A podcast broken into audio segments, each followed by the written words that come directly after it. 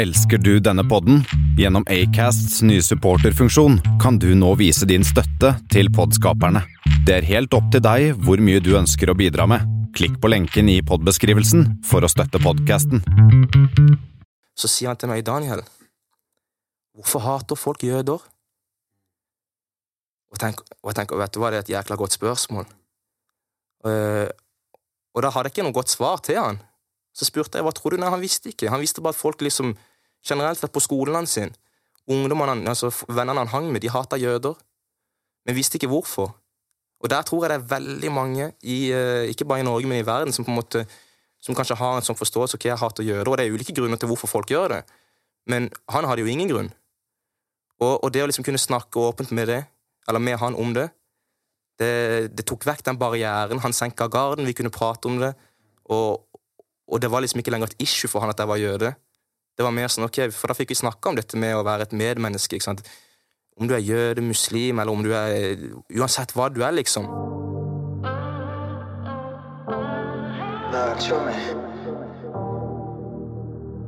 It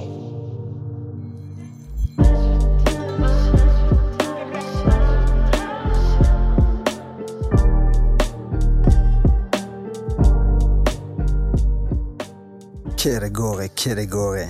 Du, I dag har jeg besøk av en showmy som anses som en ekte viking. Med samme frisyre og passion for trening og selvutvikling.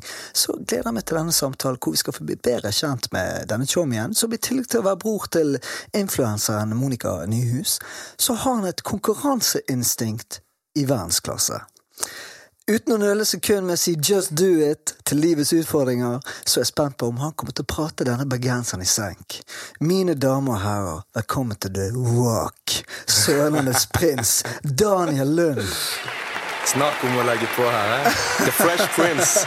The Fresh Prince. Yes. Ja vel. Nei, det var rått. Takk for uh, fin intro, uh, Gino. Du, Bare hyggelig, Tjommi. Hva det går i? Nei, Hvordan hva har det det? går? Jeg har det veldig fint faktisk om dagen. Ja. Eh, og apropos, jeg, måtte bare ta til meg du sier ekte viking. For jeg kan jo for så vidt være det, men eh, det er halve, halve meg er ekte viking. Den andre halvdelen er en ørkenmann. Så du har to motsetninger. Kulde, varme. Jeg kan, eh, jeg kan co-signe den. Jeg, ja. Men ok, men livet altså Har du tatt uh, morgenbadet ditt allerede? For det er litt derfor jeg kaller det viking. Jeg skjønte Du er det. ikke akkurat en uh, pyse når det kommer til å det her eh, å ta hodet ditt under en overflatens Hva skal jeg kalle det? Vann, vann, vannet? Under vannet? Hodet under vannet. Enkelt og greit, hodet under vannet. Folk Ja. sier 'hold hodet kaldt'. Hold hodet Og jeg kaldt. tenker, hvordan skal man gjøre det? Jo, stikk huet under kaldt vann. Ja, og spesielt eh, når det ikke det er 1. juli 2023, men helst eh, 1. januar 2023. Yes. Da er du der oppe og nikker. Break the ice. Break the ice. Yes, rett og slett. ok, Hvordan starta dette her? For det her er jo en sånn der eh, intern konkurranse, sånn som inntrykket mitt er i forhold til du og din svoger eh, Chris Nyhus. Mm. First thing first. Altså, du har jo alltid en som Hvis du husker Ninja Turtles, Ja, så hadde du den store rotta som lærte de opp, som var mentoren. ja, ja. Det hele starta med at jeg egentlig var Chris sin mentor. du, skjønner du? eh, Du, du, du, du benytter sjansen nå. for Ja, jeg gjør det. For nå, nå er ikke han her til å si sitt, så da sier jeg mitt. Og det som er greia er at Ofte når du har en master som lærer opp sin elev, så, så kan det gå litt galt, fordi plutselig blir eleven en master sjøl. Ok. Og det er det som gjorde at det hele ble en konkurranse, skjønner du? Mm. Fordi han fikk jo smaken på dette, han fikk jo blod på tann. Og blod på tann, det, det kan man se. Det er farlig. Det er farlig. Så eh, nei, for min del så begynte det egentlig eh, Altså, alltid vært opptatt av helse. Yeah. Eh, mental helse, fysisk helse, alt som yeah. har med helse å gjøre. Det kan man se. Du har jo eh, traps og biceps som stikker ut av den genseren. Selv om du går i svarte klær og svarte. Adidas. Ja, det tyter ut der, Tjommi. Det er derfor du kalte meg The Rock. Ja, Ja, jeg tar det som et kompliment. Og i like måte Gino. Jo, takk for det, Sånn det. Sånn. Vær, vær en showmy, gi hverandre komplimenter. Der, vet du hva, der er menn altfor dårlige Ja, man er det. til å gi hverandre komplimenter. Ja. Ja. Men hva, du har en passion for trening. Det er jo Jeg har du- det. Ja. eh, Og apropos eh, helse det du- som du snakker om i eh, dette Mm. med isbading, så er det så sykt mange helsefordeler med det. Og det var det som på en måte pusha meg til å, til å liksom sette i gang, fordi jeg vet det gjør godt. Og så er det noe med det mentale. altså Du, du pusher deg sjøl ut av komfortsonen. Du gjør noe du i utgangspunktet ikke syns er så behagelig. Mm. Og det gjelder generelt sett i livet. Det å tørre å gjøre ting som du ikke nødvendigvis syns uh, ja, er behagelig. For, Folk elsker å sitte og chille i komfortsonen. Så det å liksom pushe seg sjøl der, da, da kjenner jeg at jeg vokser. Så det var sånn det begynte. ok, uh, Kalde dusjer, det var jo egentlig der det begynte, helt til jeg flytta hjem igjen til Kristiansand. Og da fikk jeg plutselig sjøen i umiddelbar nærhet. Så siden vi flytta dit for to år siden, så har jeg liksom bada jevnt og trutt hele året. Nei, nei. Og, og digger det. Ikke nødvendigvis hver dag, for det skal ikke være noe sånn der eh, Det skal ikke være en plikt. Nei. For min del så handler det om at jeg skal, jeg skal gjøre det eh, når, ikke bare når det føles for det, Fordi da går man ikke ut av komfortsonen nødvendigvis, men det skal føles litt riktig. Og det skal ikke bli en sånn derre åh, nei, nå gikk jeg for hardt ut, nå er jeg lei. Jeg skal kjenne på det sjøl at jeg har lyst, det skal føles bra, jeg skal, ja, jeg skal digge det litt. Eh, så, så jeg gjør det kanskje i snitt fire ganger i uka. Ja, Det er jo ganske greit. Grei statistikk der, Ja, skjønner jeg. det er jo det. det, er jo det. Så, det så det er fett. Men ok, så du ville være eh, mester? Hæ? Yes, Og Ja. så eh, kom denne guttevalpen som egentlig er eldre enn meg, da. Guttevalpen, ja. Så, han, eh, så første gang han var med meg, det var jo i vinter. Og da var det liksom OK, Chris, husk å puste.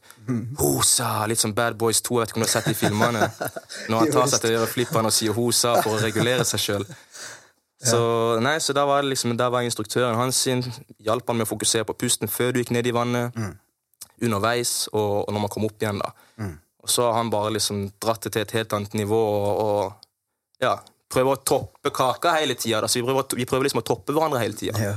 Så det, det er litt gøy. Jeg så nettopp at han postet et eller annet med syvsoveren eh, Daniel her. Hvor Ja. er du henne? Går og speider etter. Hvor er du Daniel? Og det som var vittig, er at jeg var i hvert fall ikke i senga, fordi jeg, var, jeg hadde vært i det vannet før han. Du, og det kommer ikke fram, så ikke tro på nei, alt nei. det dere ser. Ikke gjør det, Det er du. ikke alltid sannheten. Nei, men jeg la ut det òg, da, at jeg var der før han. Så. Ah, du gjorde det? Ja, da. Så Ja. folk, folk får eh, vite sannheten. Men uh, shout-out til Chris, du, du er en rå mann. Du har blitt en Ja. ekte viking, du også. Ja, det, han, eh, det er godt det er en showmy her og kan Yes. eh, løfte han opp. eh, Han, må jo være, han er gift med søstera mi. Ja. Jeg er nødt til å være en chommy med han. Eller det kan være motsatt, Ja, hvis du ikke er helt det. fornøyd. Det kan det. Men det virker som det går bra der. Ja.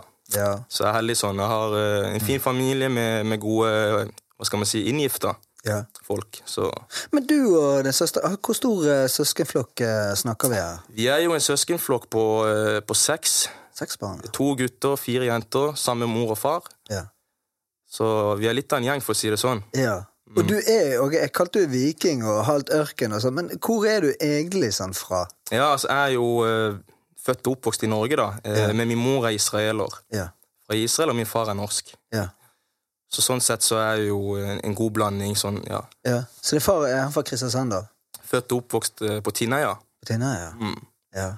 Så han In the er ghetto. rett og slett og, Ja, og det, er det, man kan spøke om det, og sånt, men, men man ser jo tendenser da, og man ser det fortsatt i dag. At uh. Tinnheia, Tinnheia, Grim er Grim. altså det Jeg gikk jo på Grim ungdomsskole, samme skole som min far. Eh, og det er ikke nødvendigvis noe bedre miljø når jeg gikk på skole kontra han, eller i dag. For de som går der nå. Så det er litt interessant altså, å se at ofte så, så så blir det sånn med tida at det er ikke alt som forandrer seg. Men hva tror du det kommer av?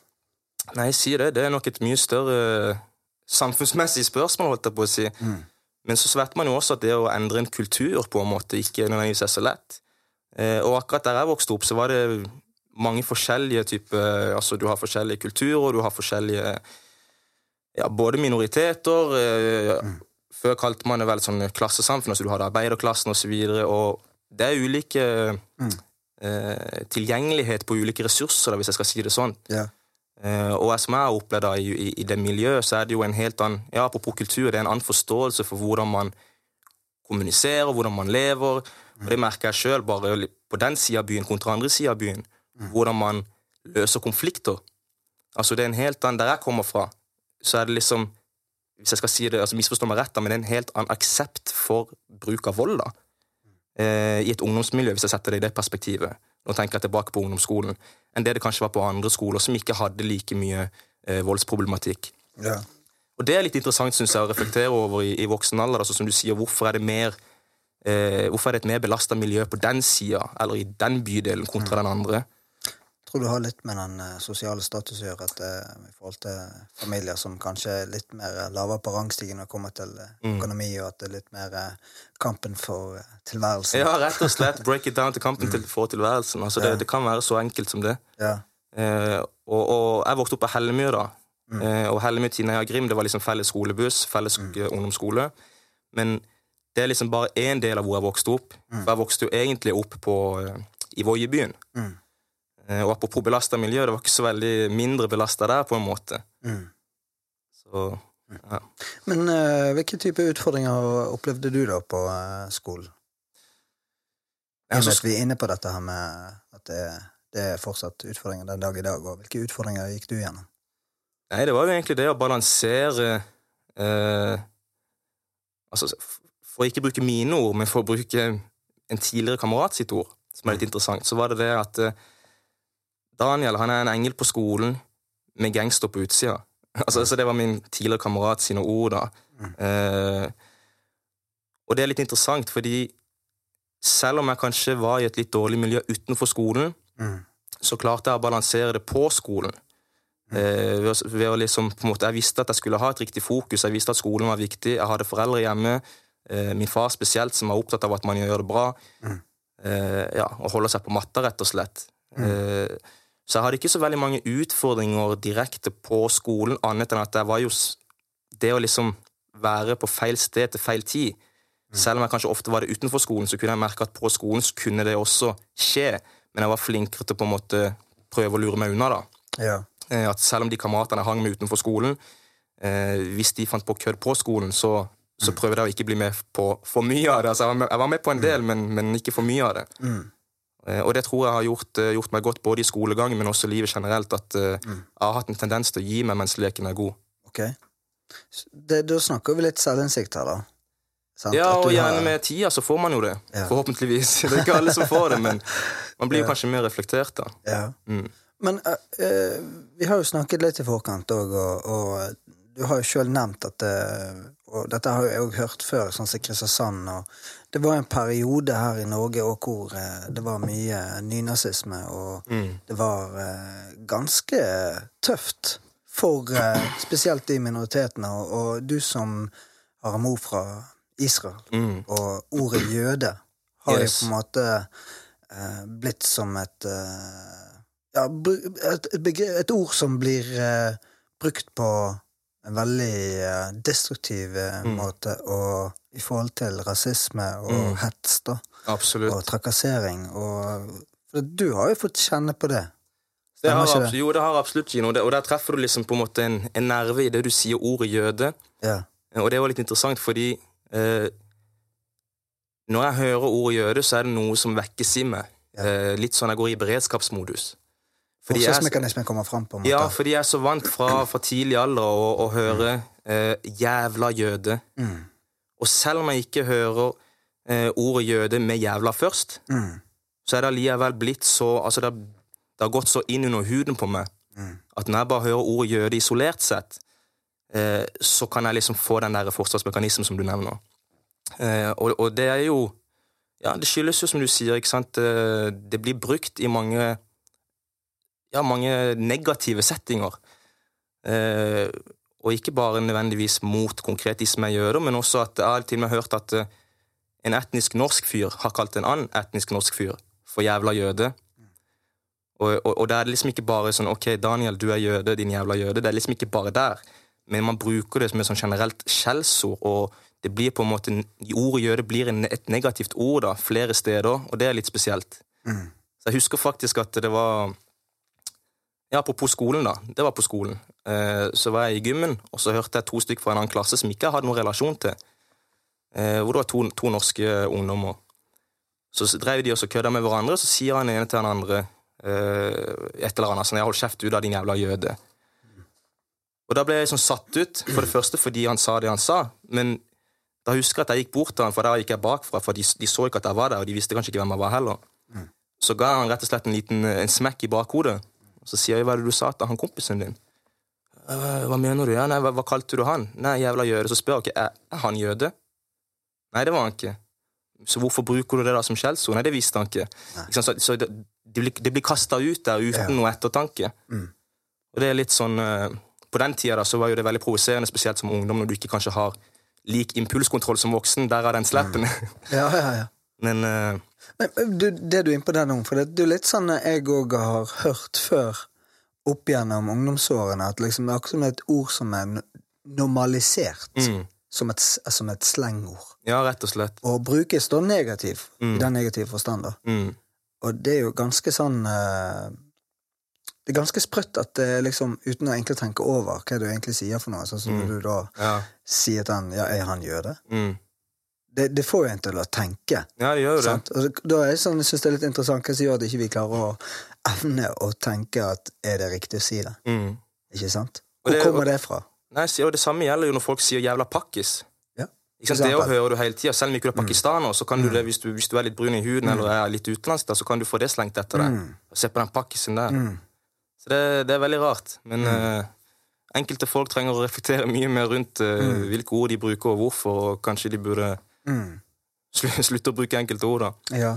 Men eh, tilbake til det du sier i forhold til jødedommen og, og nynazismen. For det er, to, det er jo to motpoler. Det er veldig. Ja.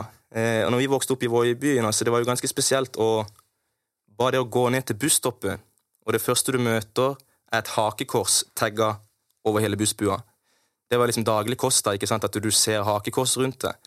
Eh, mens jeg sjøl, i motsetning til det hakekorset, nå tar jeg fram smykket mitt her, så har jeg jo davidsstjerna. Det David visst Eh, og det er jo litt vittig, fordi som sagt, to motpoler. Du har davidsstjerna her, og så har du hakekorset der.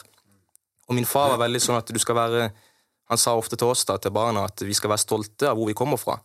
Mm. Eh, men vi, vi trenger nødvendigvis ikke å flagge at vi er jøder. Eh, og det tror jeg han sa fordi han mente mer at vi skulle være litt sånn tenke litt på sikkerhetsperspektiv, da, og han ville kanskje ikke at vi skulle ja, oppleve å bli mobba eller ha det vanskelig, når, spesielt når han visste hvilket miljø som, som var der ute. da. Eh, men jeg var, for å si det sånn, Gino, selv om jeg var liten av vekst, så var jeg stor i kjeften. Eh, så det smykket, det Han sa ikke flagg det, men jeg flagga det med davidsstjerna. Men det virker som du har hatt en veldig trygghet i deg. Altså, for det er jo kanskje noen da som gjerne går inn i en sånn der eh, fluktmodus. da. mm. At du nesten skammer deg over eh, den du er. Din identitet. Mens Mm. du på en måte har hatt en tydeligvis en eh, styrke der, da. Ja, Hvor kommer det fra? Nei, si det. altså Først og fremst så har jeg jo Jeg vet jo om eh, flere eh, jøder i, eh, på Sørlandet hvor enkelte ikke har turt å si at de er jøde. For det er såpass eh, heavy for dem, da. Så, så kanskje de kjenner på den skammen, som du sier. Kanskje de har ikke turt det. Men jeg var på den andre sida, og det tror jeg eh, skyldes mye i, i oppvekst, i hvordan jeg har blitt oppdratt. Som sagt, min far var veldig opptatt av at vi skulle være stolte av hvem vi var. Eh, og ikke minst så har han alltid eh, hva skal jeg si, snakka med oss om Gud. Og Gud har liksom alltid gitt meg en sånn trygghet. For man, som jeg pleier å si, da, så du, jeg trenger ikke å frykte noen mann på denne jord. Men Gud, Preach. det er noe helt annet. Mm. Så, så det å være gudfryktig, det mener jeg er en god ting. Mm. Eh, og det har samtidig gjort at vet du hva, det er ingen an, Altså alle andre her på jorda er mennesker, kjøtt og blod som meg. Mm. Nynazist, jøde, muslim, ikke religiøs i det hele tatt, eller hva du er for noe. Ingenting å si. Nei. Du er en mann av kjøtt og blod. Eller en kvinne av kjøtt og blod. Ja. Så, så for meg så har det vært en sånn mentalitet at jeg trenger ikke å frykte noen på denne jord. Fordi jeg har den sterkeste med meg. Så du hadde allerede en sånn sterk tro og overbevisning som ungdom? Veldig. Den starta veldig tidlig. Og, og så har min far vært en sånn sterk farsfigur. Eh, han har vært eh, robust, han har vært mentalt sterk, og har sett mye opp til han. da. Mm. Eh, så det har nok gjort at jeg også på en måte har prøvd å, å være litt sånn som han, være litt tøff, og tør å si det du står for. Ja.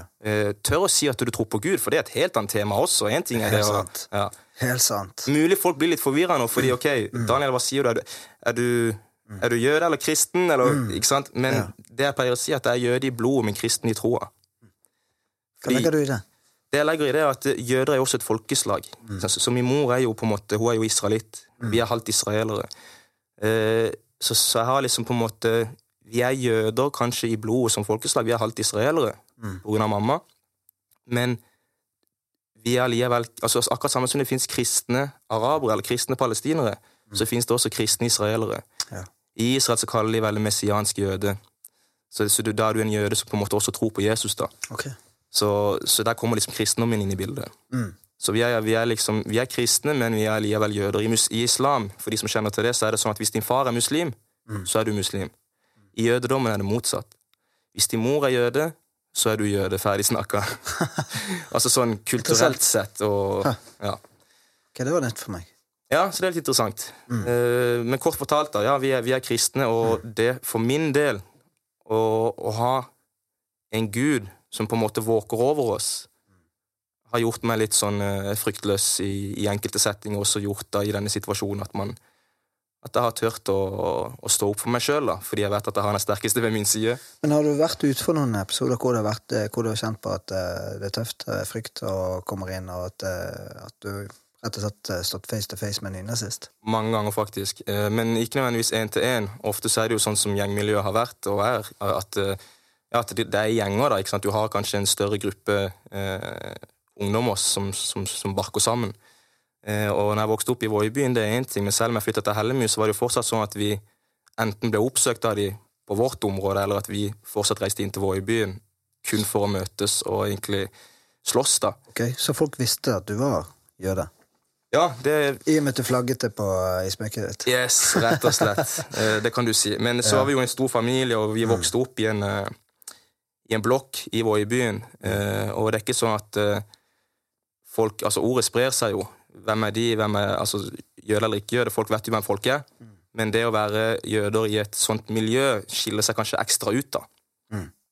Så folk visste absolutt det. Men, men disse nye nazistene, Gino, helt ærlig så tror jeg ikke de nødvendigvis forsto hvilken ideologi de levde etter, eller prøvde å leve etter.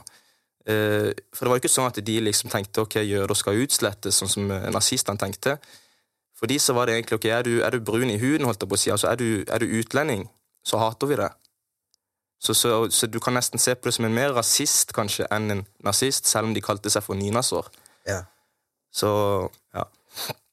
Så det litt spesielt å vokse opp i, i det miljøet, sånn sett, men, eh, Mm. men, men man ser det vi snakka om i stad, i forhold til hvordan det er i ulike områder og skoler og sånn, så, så hadde jo disse ungdommene også de hadde jo en uh, veldig mange likhetstrekk med andre ungdom. Mm. De, de ønska å kjenne på tilhørighet, Mm. de ønska å være en del av en guttegjeng, ha dette fellesskapet, dette brorskapet. Så, så er det litt sånn ulike grunner til hvorfor man tar den veien man tar, da. men min bror han var jo eldre enn meg. Og dette var på 90-tallet, hvor nynazismen var størst. Da hadde du Justvik, og du hadde Voiebyen, som var liksom de to områdene i Kristiansand. Stemmer. Eh, og min bror, som var fem år eldre, kjente nok mer på det. Eh, men disse nynazene, som var litt, som litt eldre, de hadde jo også lillebrødre som var på min alder, som da naturligvis tar, opp etter, tar, eller tar etter sine brødre. Mm. Så, så det var liksom sånn det nærmest gikk i arv, da. Ja. At det, selv om det døde ut på 90-tallet, så, så hang det litt igjen, da. Men Var det sånn at du kunne havne faktisk i en slåsskamp? At det kunne være såpass Flere ganger. flere ganger? Ja, ja. Ok. Det kunne det være. Eh, Men Var det du gjerne alene, da? At de var gjeng, og så var du alene? Eller hadde du eh, showmier som kunne backe deg? Nei, det var gjerne det at man var Hvis du var heldig, så hadde du tjommier som kunne backe deg. Eh, og så fantes det jo enkelte episoder hvor ikke du hadde noe backup, hvor du kanskje ble uh, caught off guard, holdt jeg på å si. Mm. Uh, og sånn er det begge veier. Ikke sant? Plutselig så har du en stakkars nynasse som, eh, som kommer ut fra butikken, og så har du en eh, ungdomsgjeng som jumper han. ikke sant? Mm. Og, og dette her når du er 10-11 år, altså det er ganske brutalt når man er så små. Ja, det er helt vilt. Eh, og jeg kjente på spesielt én opplevelse når vi først er inne på det. Så jeg vet ikke om du husker sosiale medieplattformen som het Blink? Jo. Ja, og det, det var jo på 90-tallet, sikkert slutten av 90-tallet, begynnelsen av 2000-tallet. Eh, og da hadde det vært en slåsskamp hvor eh, eh, det endte opp med at en av disse nynazistene fikk juling. Eh, og han var lillebroren til en litt sånn større nasse, som var fra Justvik, da. Og så ble jeg kontakta på Blink av storebroren, da. Du ble kontaktet? Ja, av en eller annen grunn så var det på en måte Selv om ikke jeg var den som ga en juling, så, så var det jeg som skulle få svi for det, da. Eh, og da hadde han kontakta meg og skulle møte meg i eh, Eller egentlig sa til meg at jeg hadde ikke noe valg, da jeg måtte møte han i byen. Eh, og så møttes vi i byen, eller nei, det gjorde vi ikke, faktisk, men jeg gikk til byen, og han var veldig nøye på dette med ok, ingen tar med noen folk. Jeg møter meg, du møter deg. Nå så hørtes det litt rart ut. Nå møter jeg meg sjøl i døra her. Jeg skulle møte han, han skulle møte meg, ingen andre folk rundt. Ja. Og dette var utenfor 7-Eleven i byen, som liksom var det der klassiske møtepunktet. Ja. Heldigvis for meg, da, for, for der kommer stoltheten inn i bildet. Eh, jeg møtte opp. Heldigvis så kom ikke han, eh, av ulike grunner. Kanskje han bare tenkte han skulle skremme meg og ikke gidde å kaste bort tida på en drittunge, for han var jo flere år eldre enn meg. Mm. Eh, for å være brutalt ærlig, jeg var 14 år, og det er den eneste gangen i livet mitt hvor jeg har gått med en kniv på meg. Mm. Eh, Jeg kan si det nå, jeg var under den kriminelle lavalder, 14 år. Ja. Eh, men eh, jeg var såpass redd at jeg hadde en kniv i sokken. Eh, og det hadde jeg faktisk lært av en kamerat av min bror, som sa det at når man Altså Den eneste grunnen til at du skal ha en kniv i sokken i sånne tilfeller, er at hvis du ender opp på bakken, og en eller flere står og sparker deg mens du ligger nede, da har du lov til å bruke den. Da finner du den fram i sokken din, og så stikker du den inn i låret på den eller de som står og sparker deg. Og det var liksom Altså Snakk om eh, hva var det du sa innledningsvis, eh, dette med å overleve for tilværelsen. Kampen for tilværelsen. ja. Yes. Det er nok den ene gangen hvor jeg har et konkret eksempel hvor jeg virkelig kjente på en sånn frykt, selv om ikke det ble noe av, og det er jeg veldig glad for i dag. Men det er den stoltheten som jeg tror er så sykt skummel for veldig mange ungdommer. Ja. At de, de skal være tøffe, de skal være modige. Men så krysser du en grense der at du er ikke bare modig, men du er dumdristig. Ja. Men så ligger det noe mer bak det òg, det ordet frykt, Mm. tenker jeg. Mm. For det er denne frykten for at eh, jeg kan bli skadet. Ja, Og jeg kan bli hardt skadet. mm, og det visste jeg jo, men allikevel så møtte jeg opp så dum som jeg var.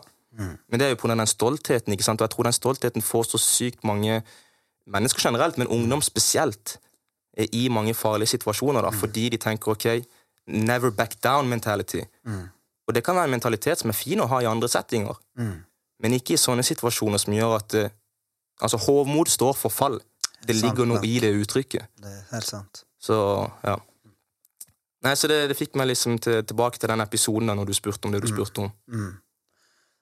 Og Ja, det er jo interessant Og, og det kan jeg si, ja, bare for å si det, for det tror jeg Grunnen til at han tok det utover meg, kan jo hende noe med at jeg var, at jeg var jøden i gjengen. Altså, hvem vet?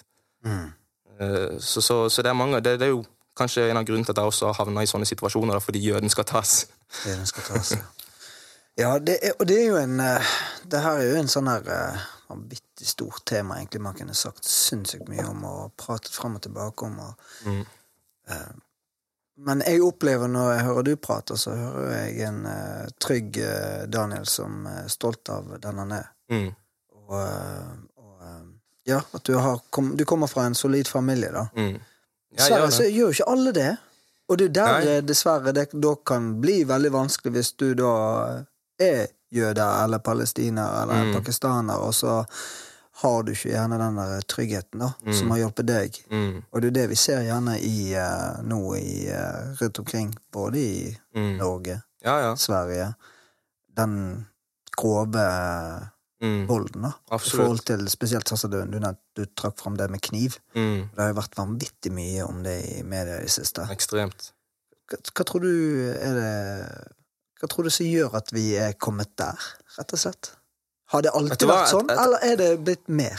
På en måte så tror jeg alltid det har vært sånn. Eh, samtidig så, så har jeg sett og hørt at det er tendenser til at det, det som kanskje har endra seg litt, er at det begynner mye tidligere. Mm. At det er kanskje den store forskjellen. At du, har, du har små kids da, ja, 10-11 Yes. Mm. år, og så begynner de å gå med kniv på seg. Og det som er så farlig med disse kidsa, er at de eier jo ikke konsekvenstenkning. Nei. Altså Jo mindre du er i alder, Mm. jo mindre konsekvenser tenker du.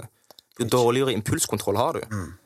Eh, Så, så det at de da går rundt med kniver og sånne ting, det, det er skumle greier. Mm. Og jeg husker jeg hadde en eh, Jeg har tidligere jobba på ungdomsinstitusjon, for å si det sånn. Mm. Så jobba jeg på en eh, lukka avdeling på en akuttinstitusjon i Oslo, hvor det var en ungdom som var under den kriminelle lave alder, han var bare 13, eh, som kom inn da fordi han hadde eh, Han kom egentlig inn for drapsforsøk, men han kunne ikke sitte inne fordi han var så ung, så han kom på lukka avdeling på akuttinstitusjon istedenfor, hos barnevernet. Eh, og det som hadde skjedd der, var at han hadde trukket fram ikke bare en kniv, men en machete. Og den hadde han klart å hugge da en, eh, en litt eldre somalisk gutt. Eh, altså Gutten var 13, men han somaleren som han på en måte stakk ned, han var jeg tror han var 16 eller 17. Eh, og når jeg snakker med denne 13-åringen da, på, på lukka avdeling, så sier han til meg at Daniel, se på meg. Jeg er spinkel som fy, jeg kan ikke slåss. Folk går rundt med kniv. Hvordan kan jeg bli bedre enn de? Jeg har ikke tilgang på noen gunner. Så da blir det machete. Machete er en mye bedre og, og sterkere våpen enn kniv. Så det var for å hevde seg. Og vi snakka litt om frykt i stad, Gino. Og det jeg så hos den gutten, det var jo frykt, selv om han da hos mange kan se ut som en potensiell drapsmann. Så var jo dette en livredd gutt, ikke sant? Som, som egentlig ikke kanskje hadde noen intensjoner om å ta livet av noen, men han måtte forsvare seg sjøl. Det var liksom do or die, da, som man hører ofte i gamet. Mm. Så det satte ting i perspektiv, da, og jeg tror veldig mange ungdom, om, ja, kanskje i Sverige og andre steder også, som opplever den problematikken, at det, det er mye frykt ute og går, og frykt det, det får deg til å ta dumme valg. Mm. Rett og slett, Ingen tenker klart når de er redde. Det er som du sier, det er enten fight or freeze. Mm. Eller nei, fight or flight eller freeze. Men ja. Men er det litt mye på grunn av din eh, oppvekst og det du har opplevd, eh, eh, at du har valgt å jobbe med ungdommer, for eksempel, og Jeg tror det. prøve å gjøre en forskjell? Ingen tvil. Ja. Fordi jeg kjenner meg igjen i mange av de ungdommene. Eh, og, og så syns jeg det har vært en kul inngang, da, fordi altså, min eh, faglige bakgrunn er jo politi. Eh, så nå kommer vi liksom inn på, på litt mer og, altså, til, om meg, da. Eh, Og min bakgrunn. Men, eh, og det er jo litt interessant, fordi var det to ting jeg hata i, i oppveksten, så var det politiet, og det var barnevernet. og, så, og nå sitter jeg her som en politimann sjøl, ja, som jobber i barnevernet. da. Ja, ja, ja. Eh, og apropos to ting jeg hater, to ting mange av disse ungdommene hater på institusjonen. Og nå jobber jeg i Oslo, der var det eh, mange muslimske ungdom. Og var det to ting de hata, så ja, det var politi, men det var også jøder. Så da er vi tilbake på det. Så også i voksen alder har jeg kjent på, på mye motstand rundt det å være jøde. ja. Eh, og jeg fikk masse gode relasjoner med disse ungdommene. Eh, og jeg tror at eh, når jeg kjenner meg igjen i, de, altså i de sitt liv, da, og vi har en sånn felles uh, forståelse for hverandre, en gjensidig respekt, ja. så har det åpna opp for veldig mange gode samtaler og gjort det mulig for meg også å være åpen både om at jeg har jobba i politiet, det er én ting, men ikke minst det å være jøde. Jeg hadde en guttunge som, som eh, i begynnelsen var veldig skeptisk til meg. Å ja, du er halvt israeler. Bro, betyr ikke det at du er jøde? Og da var det med en gang sånn ok, shit. Fuck han der, rett og slett. ikke sant? Han ville ikke ha noe med meg å gjøre. Så fikk vi en dødsgod relasjon, og så var vi eh, i badeland, bare meg og han i Asker. Eh, og så, så skjønte han, han Han kjente liksom ja, vi har det fet, vi har det greit, men det var liksom noe som som fucka opp den relasjonen vår, og det var at jeg, jøde, at jeg var jøde. da. Så det satt liksom dypt inne hos han. Og så klarte han, og det syns jeg er så fett, at en liten ungdom eh, klarer å sette ord på det, eller tør å liksom åpne den boksen. Ja. Så sier han til meg, Daniel, hvorfor hater folk jøder? Mm. Og, tenk, og jeg tenker, vet du hva, det er et jækla godt spørsmål. Mm. Uh, og da hadde jeg ikke noe godt svar til han. Så spurte jeg hva tror du? Nei, han visste ikke. Han visste bare at folk liksom generelt sett på skolen hans sin, ungdommene, han- altså vennene han hang med, de hata jøder, men visste ikke hvorfor. Og der tror jeg det er veldig mange, i, eh, ikke bare i Norge, men i verden, som på en måte som kanskje har en sånn forståelse ok, jeg hater jøder, og det er ulike grunner til hvorfor folk gjør det. Men han hadde jo ingen grunn. Og, og det å liksom kunne snakke åpent med det, eller med han om det, det, det tok vekk den barrieren. Han senka garden, vi kunne prate om det. Og, og det var liksom ikke lenger et issue for han at jeg var jøde. Det var mer sånn, ok, For da fikk vi snakka om dette med å være et medmenneske. ikke sant? Om du er jøde, muslim, eller om du er Uansett hva du er, liksom. Men du var jo litt inn på de stedene. Det er jo litt sånn som du snakker om det med nynazismen i, Mm. eh, i Kristiansand, at uh, har du en storebror som har uh, disse holdningene sant, til Ja. uh, jøder, Mm. så går det gjerne litt i arv til Ja. neste generasjon. Mm. Så det er jo litt sånn hva er det de Hvilke miljø er de i, sant? Hvilke Mm. familie Hva er det de lærer? Ja. Og, og så tror jeg òg Tror ikke du òg det er en, en del som har den holdningen av konflikten nede i Midtøsten der? Jo, Med Palestina og selvfølgelig. Det er ofte. Ja, ja. Eh, Ja. Og til og med Altså hvis du ser utenfor den konflikten, så er det også mange andre greier og stereotypier rundt jøder, det å være jøde. Mm. Eh, Jeg trenger ikke gå inn på det nå, men ja, mye er jo i forhold til Palestina og Israel-konflikten. Mm.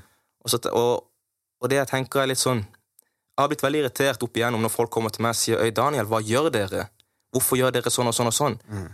Og så tenker jeg, hvorfor sier du hva gjør dere? Jeg er jo ikke, er jo ikke ansvarlig for det nødvendigvis. eh, En israelsk eh, politiker pusher frem, da. Ja. Samme som hvis Erna Solberg, eh, når Høyre-leder, holdt på med dette. Han skal ikke si «Hey, Gino, hva skjer? Ja. Hvorfor holder dere på sånn? Altså, bare fordi du er norsk, så er du ikke enig nødvendigvis i alt regjeringa gjør. Veldig sant. Sammen med Israel, at selv om kanskje Israel av og til så For det første så er det et land eh, som etter min mening eh, fortjener sin eksistens, og så er det der allerede mange er uenige. Greit nok, skal ikke gå inn på det. Eh, og så er det jo krigføring. Det er noe piss. Det er noe dritt. Uansett hvem som kriger mot hvem, Ja. så er det mye elendighet, og uskyldige liv går tapt. På begge sider. På begge sider. Sånn er det. Og så er det jo dessverre sånn at palestinerne kanskje har mindre å beskytte seg med enn Israel, som er et sykt godt utvikla land, og de har utrolig godt militærutstyr osv., som gjør at eh, blant annet tallene blir jo veldig skjeve når det først skjer. Eh, men ja, det er sånn, ok Israel gjør ikke nødvendigvis alt riktig, Det er det ingen land som gjør. Eh, ja. Uh, ja. Nei, jeg, nå ble jeg datt litt ut i forhold til hva du spurte om. Nei, jeg tenker på disse her ungdommene som du har vært borti. At At Mm. de har en holdning til, til at de bruker shit til du gjør det. Mm. Og da vil ikke de ha noe med deg å gjøre. Sant? At, eh, at det kan være på grunn av konflikten. Ja. At de har den holdningen. Mm. Sant? At du, hvis du er muslim, så liker ikke du Mm. jøder. Eller liker Skjønner du? Og det er litt interessant, fordi mange av mine på den tida, og fortsatt i dag, 90% av mine nærmeste venner er, er muslimer. Mm. Eh, og på den tida også, så var Selv om på en måte jeg hadde et issue med, altså, med, med nynazister, så hadde jeg jo også type issue med muslimer som skulle ta meg, Mm. fordi jeg var eh, jøde. så det var liksom eh, Hva skal jeg si? Jeg, jeg slåss på to fronter. Ja. Ikke sant? Eh, Men da husker jeg veldig godt at det var noen eh, arabere som skulle ta meg, men fetterne de sine var mine nærmeste venner. Yeah. Så de beskytta meg og gikk imot sine fettere. Og det, og det er litt sånn sterkt, da. Eh, fordi de har, de har skjønt det, sånn som jeg i voksen alder nå tenker, at de har skjønt at du, du blir ikke stempla ut ifra hvem du er, eller hvor du er, eller hvor du er fra, mener jeg, men mer hvem er du som person. Ja. Eh, hvor er hjertet ditt? Så for meg, selv om disse var Altså, disse gutta var palestinere, men de var mine brødre. Mm. Og det er så sterkt. Så, så sant, sant skal sies at selv om man har hatt uh, kjent på mye rasisme både fra, fra nordmenn, men også uh, muslimer eller andre ut, uh, utlendinger som ikke nødvendigvis er muslimer, men generelt sett, det har vært mye jødehat. Mye antisemittisme som både meg og jeg tror min familie også har kjent mye på det. Men mer min bror har nok kjent mest på den fysiske biten. Mine søstre har kanskje kjent eh, altså Sånn som jenter kanskje ofte opplever det, at det er mer psykisk, mer spraksnakking og sånn. Jeg vet ikke hvor mye mine Det er interessant, kanskje jeg må snakke med dem litt om det. ja. Men akkurat min bror vet jeg har eh, kjent veldig mye på, på det jødehatet. Mm. og har sikkert opplevd mye mer enn meg knytta til det. Mm. Og vi er litt forskjellige, med min bror. Vi er to brødre, som sagt, og fire søstre.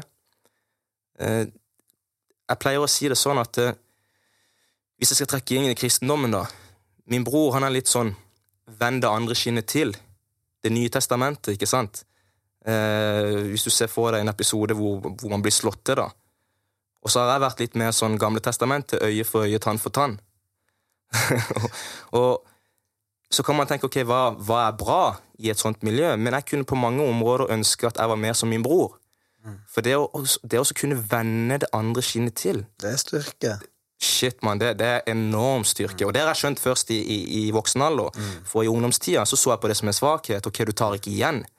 Men det å velge sine kamper, og det å vite at ok, sånn som min bror, da, han er litt sånn uh, Martin Luther King. ikke sant? Vold løser ingenting. Mens jeg var kanskje litt med Malcolm X, for de som kjenner til disse to ja, ja. ja. som kjemper samme sak. Eh, og, og det var hver vår måte å takle det på, da. Men, uh, men han har jo da kanskje sluppet å tenke på den der Eller å sitte igjen med den der hevngjerrigheten. Jeg har kjent masse på hat. ja, for det har jo preget og gjort noe. Ikke? Hvis du har gått rundt og kjent på det hatet. Det Jo. gjør jo noe med fokuset. Og, Det gjør jo det. En blir jo ikke akkurat oppløftet uplifted og går rundt og smiler og Nope. superhappy. Så jeg har ikke alltid vært like positiv og, og, og, og, blid sånn som jeg på en måte er i dag. Det har jeg ikke. Jeg har på en måte tidligere i livet også eh, ja, vært litt mer sånn eh, Kjent på mye hat, da.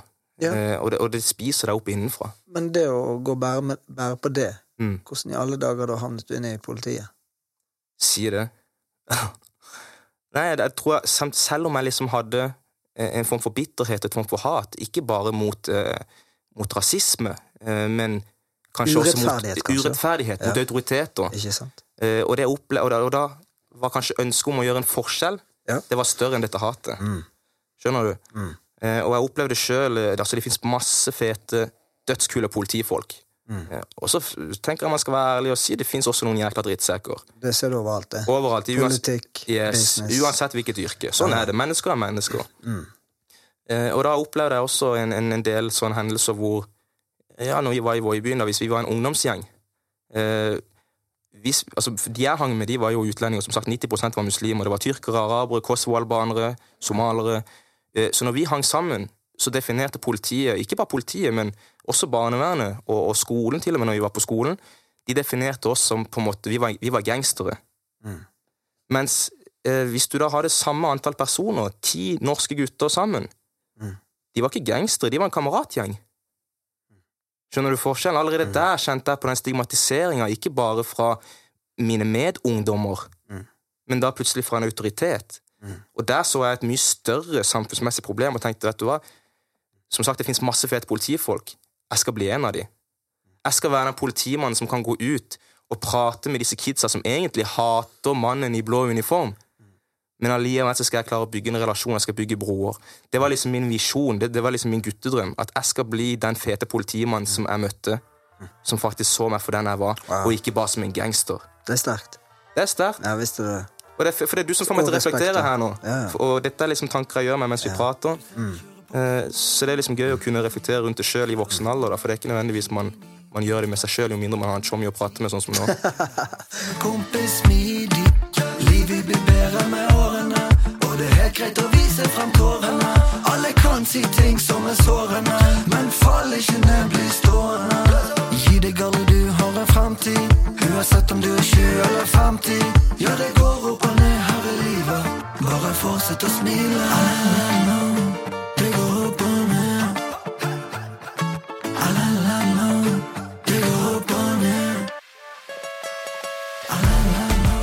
Men det, det, det der er ganske fett at du sier, og det er det nettopp disse ungdommene trenger. da. Det er jo noen som kan eh, ha evnen til å sette seg litt inn i eh, Ikke bare litt, men mye inn i hvorfor eh, Altså, det er mye mer bak en handling. Mm. Det er mye mer bak det ytre, den fasaden. Mm. Du ser eh, gangster ut, eller mm. klær, og du går med en og det andre. Mm. Smykker, kniv. Mm. Ja, hvorfor? Sant. Sant? Det har faktisk eh, Og det er ikke snudd på 1, 2, 3 Det er ikke for det. å bygge den relasjonen. Det tar tid. Det tar tid. Og det, og det å bygge tillit, det òg tar tid. Mm. Og eh, jeg tenker det, da er jo du en, eh, den rette mannen, da. Som kan stå i noe sånt. Og, eh, men sånn som nå, da. Hva type jobb er det du står i nå? Du har jo vært innom institusjonen, sier du sjøl. Ja, jeg har jo jobba mest på eh, ja, ulike barnevernsinstitusjoner. eh, mye med rus og atferd. Mm. Og så har jeg jobba en del akutt. Og det savner jeg, for jeg savner den der kontakten med ungdommene. Mm. Jeg har alltid hatt et, hatt et veldig sånn brennende engasjement for ungdommene. Tror ikke du litt det, det når du sier det med akutt og sånt? Mm. For da, da er det ganske akutt. Ja, Og det det, er det. når jeg tenker på det, så tenker jeg de trenger akutt kjærlighet. De trenger akutt bekreftelse på at de betyr noe mer enn den at de står i faktisk Nå er de på vei utfor stupet. Amen. Ikke sant? Mm. De trenger akutt kjærlighet. sa var fint, var hvordan du bare snudde det perspektivet. Fra å være en akuttinstitusjon hvor folk gjerne tenker oi shit, her er det noen som har gjort noe kødd. Yes. Men det er akkurat det du sa i stad. Istedenfor Mm. si, å se alt det køddet. Hvorfor har de gjort det? Jo, det er fordi de trenger akutt det Mm. og det og det. yes. Kjærlighet, trygghet, Mm. forutsigbarhet. Oh! Åh! vær! Shit, den var fin. Den var fin. den var fin, Ja, ja. Snakk om være, snakk om å være på nett kino. Ja. Fett, altså. jeg hadde en plakat på gutterommet mitt eh, på Hellemyr, dette her, da. Eh, og det var en plakat av Topak med foldende hender og et korsmykke. Er det sant? ja. Så fet. Ja, der ser du. ikke sant? Igjen, vi er på nett. Ja, ja. Og det som sto sitatet, det er akkurat det vi snakker om Mm. nå. Hva var det jeg sa? It's hard uh, to carry on when no one loves you. Mm. They only see the trouble, but they don't know the struggle. Mm. Yes. Ser du? Ja, ja, Så det er så lett ja. å se handlinger, for det er handlinger som på en måte er rett foran trynet ditt. Ja, ja, ja. Men hva er det som ligger bak handlingene? bak? Jeg vet det. Hæ? Det er det som er interessant. Veldig. Ja. Og nå, da? For når du, når du har stått Ok, det var egentlig det jeg ville tune litt inn på. I og med at den visjonen du hadde for å velge det yrket. Mm. Og du savner litt der, sier du. Ja, Ja, savner, hva, men hva er det du da savner? jeg savner disse små uh, Hva skal man si Øyeblikkene med samtaler? Yes, de Kanskje. små altså, La oss si du har en For å sette det i et konkret eh, eksempel. da Uh, Du har en ungdom. Mørk, dyster.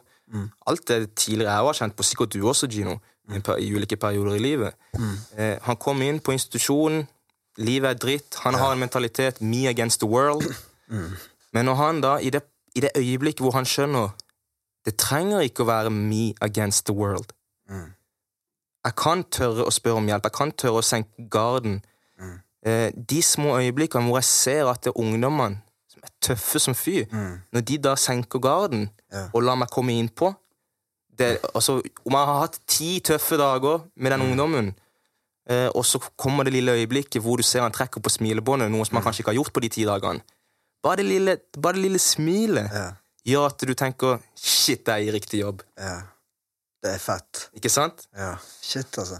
Ha. Så for, for, for de tingene, altså, jeg pleier Altså Vi jobber ikke med vanskelig ungdom. Vi jobber med ungdom som har det vanskelig. Mm. You feel me? Preach. Ja, ja, ja, ja. Det er, Det er så forskjell. sant. Ja, ja. Det, der er forskjell. Mm. Akkurat den setningen der tenker burde vært sånn der i pensum Uff, ja. I disse her som studerer sosionom eller Sant. pedagogikk, at liksom Mm. Vi jobber ikke med vanskelige mennesker generelt. Generelt, ja. Vi, vi jobber med vanskelige eh, livshistorier Ja. og bagasjer Mm. som er fullt av traumer, og mange som savner det å føle seg elsket og verdifull. Mm. Og da tenker jeg litt sånn som du, da, så Ja, du er halvt eh, israeler. Ja. Og så har vi folk som eh, araber og, og eh, palestinere, og du har eh, Skandinavia. Ja, men det er jo liksom det derre Vi er jo ett folk. Vi er brødre og søstre. Ja, ikke sant? Så Enkelt og der, greit.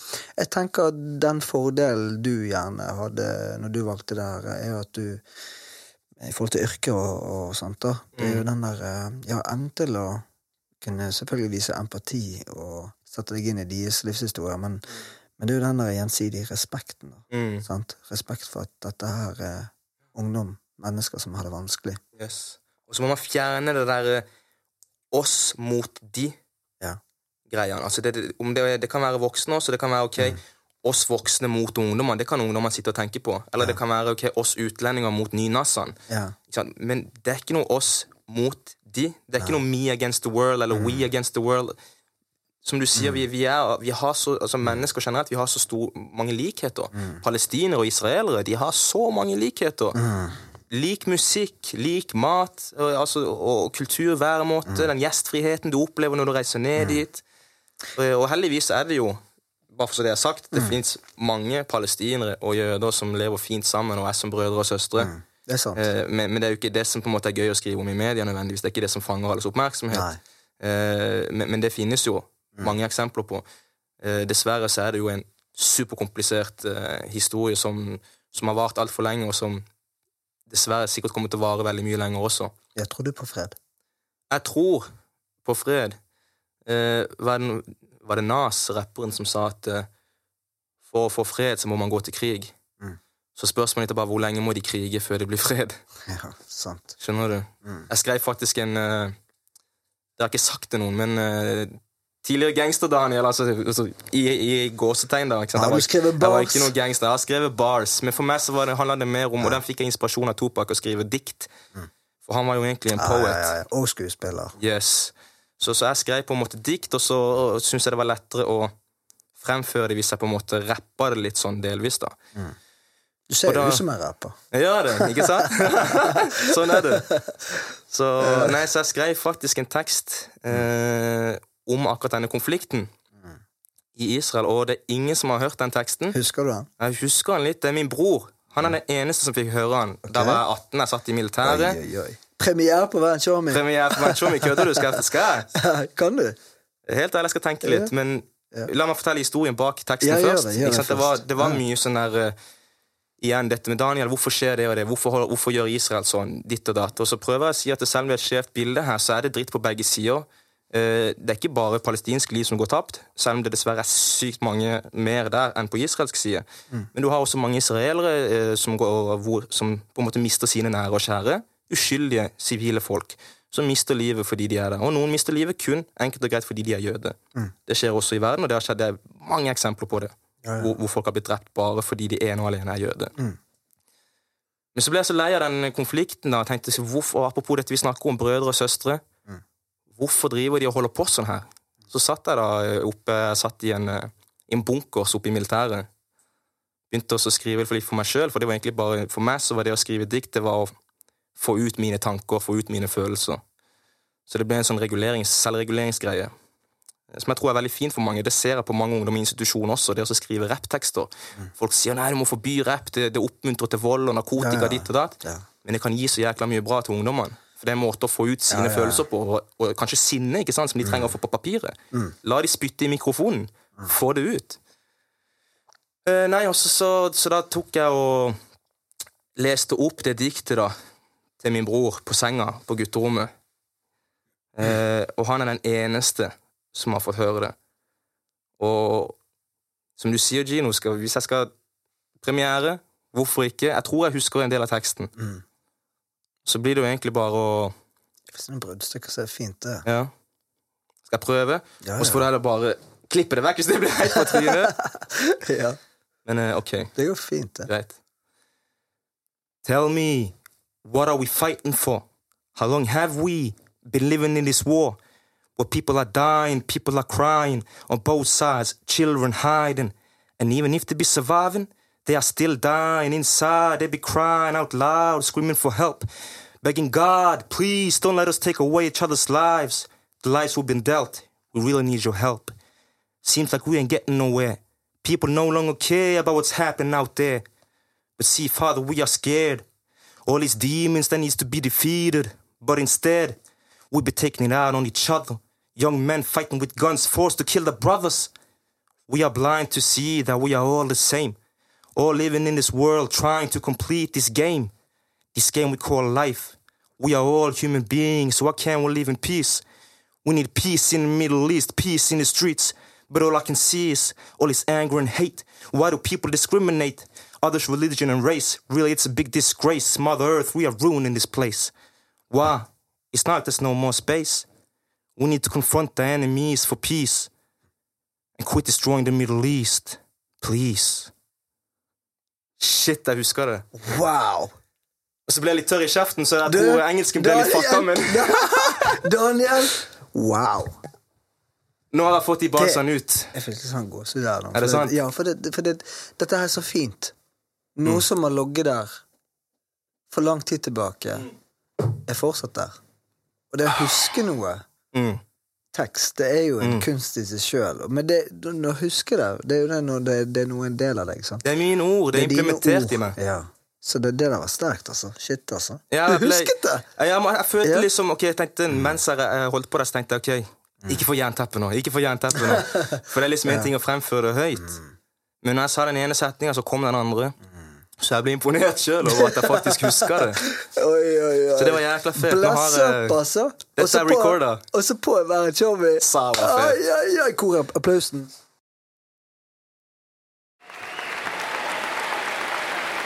Ah, Der er applausen. Oi, oi, oi, Daniel. Ah, Så fett. oi, oi, oi. Men jeg. Men jeg hører at du hører på Tupac. Mye. Ja, ja. Og det er så klisjé. Folk sier Ja, hvem er favorittrapperen din? Ja. Å, det er Tupac. Å ja, ok, det er et kjedelig svar. Men Men, men, men det er så ekte. Da må jeg spørre. Favorittlåt. Det er veldig vanskelig. Men hvis det er første låten du tenker på nå, Mm. Tupac, Dear Mama. Dear Mama. Wow! Mm. Det kunne jeg òg sagt. Er det Men sant? jeg, jeg, jeg, jeg sier changes. Ja. I see no changes. Wake up in the morning and I ask myself, is life worth living or should I blast myself? I'm tired of being poor and even worse, I'm black. My stomach hurts, so I'm looking for a purse to snatch. Cops give a damn about a Negro. Pull a trigger, kill a nigga, he's a hero. Den, den, Den. apropos samfunnet, den har en sterkt budskap.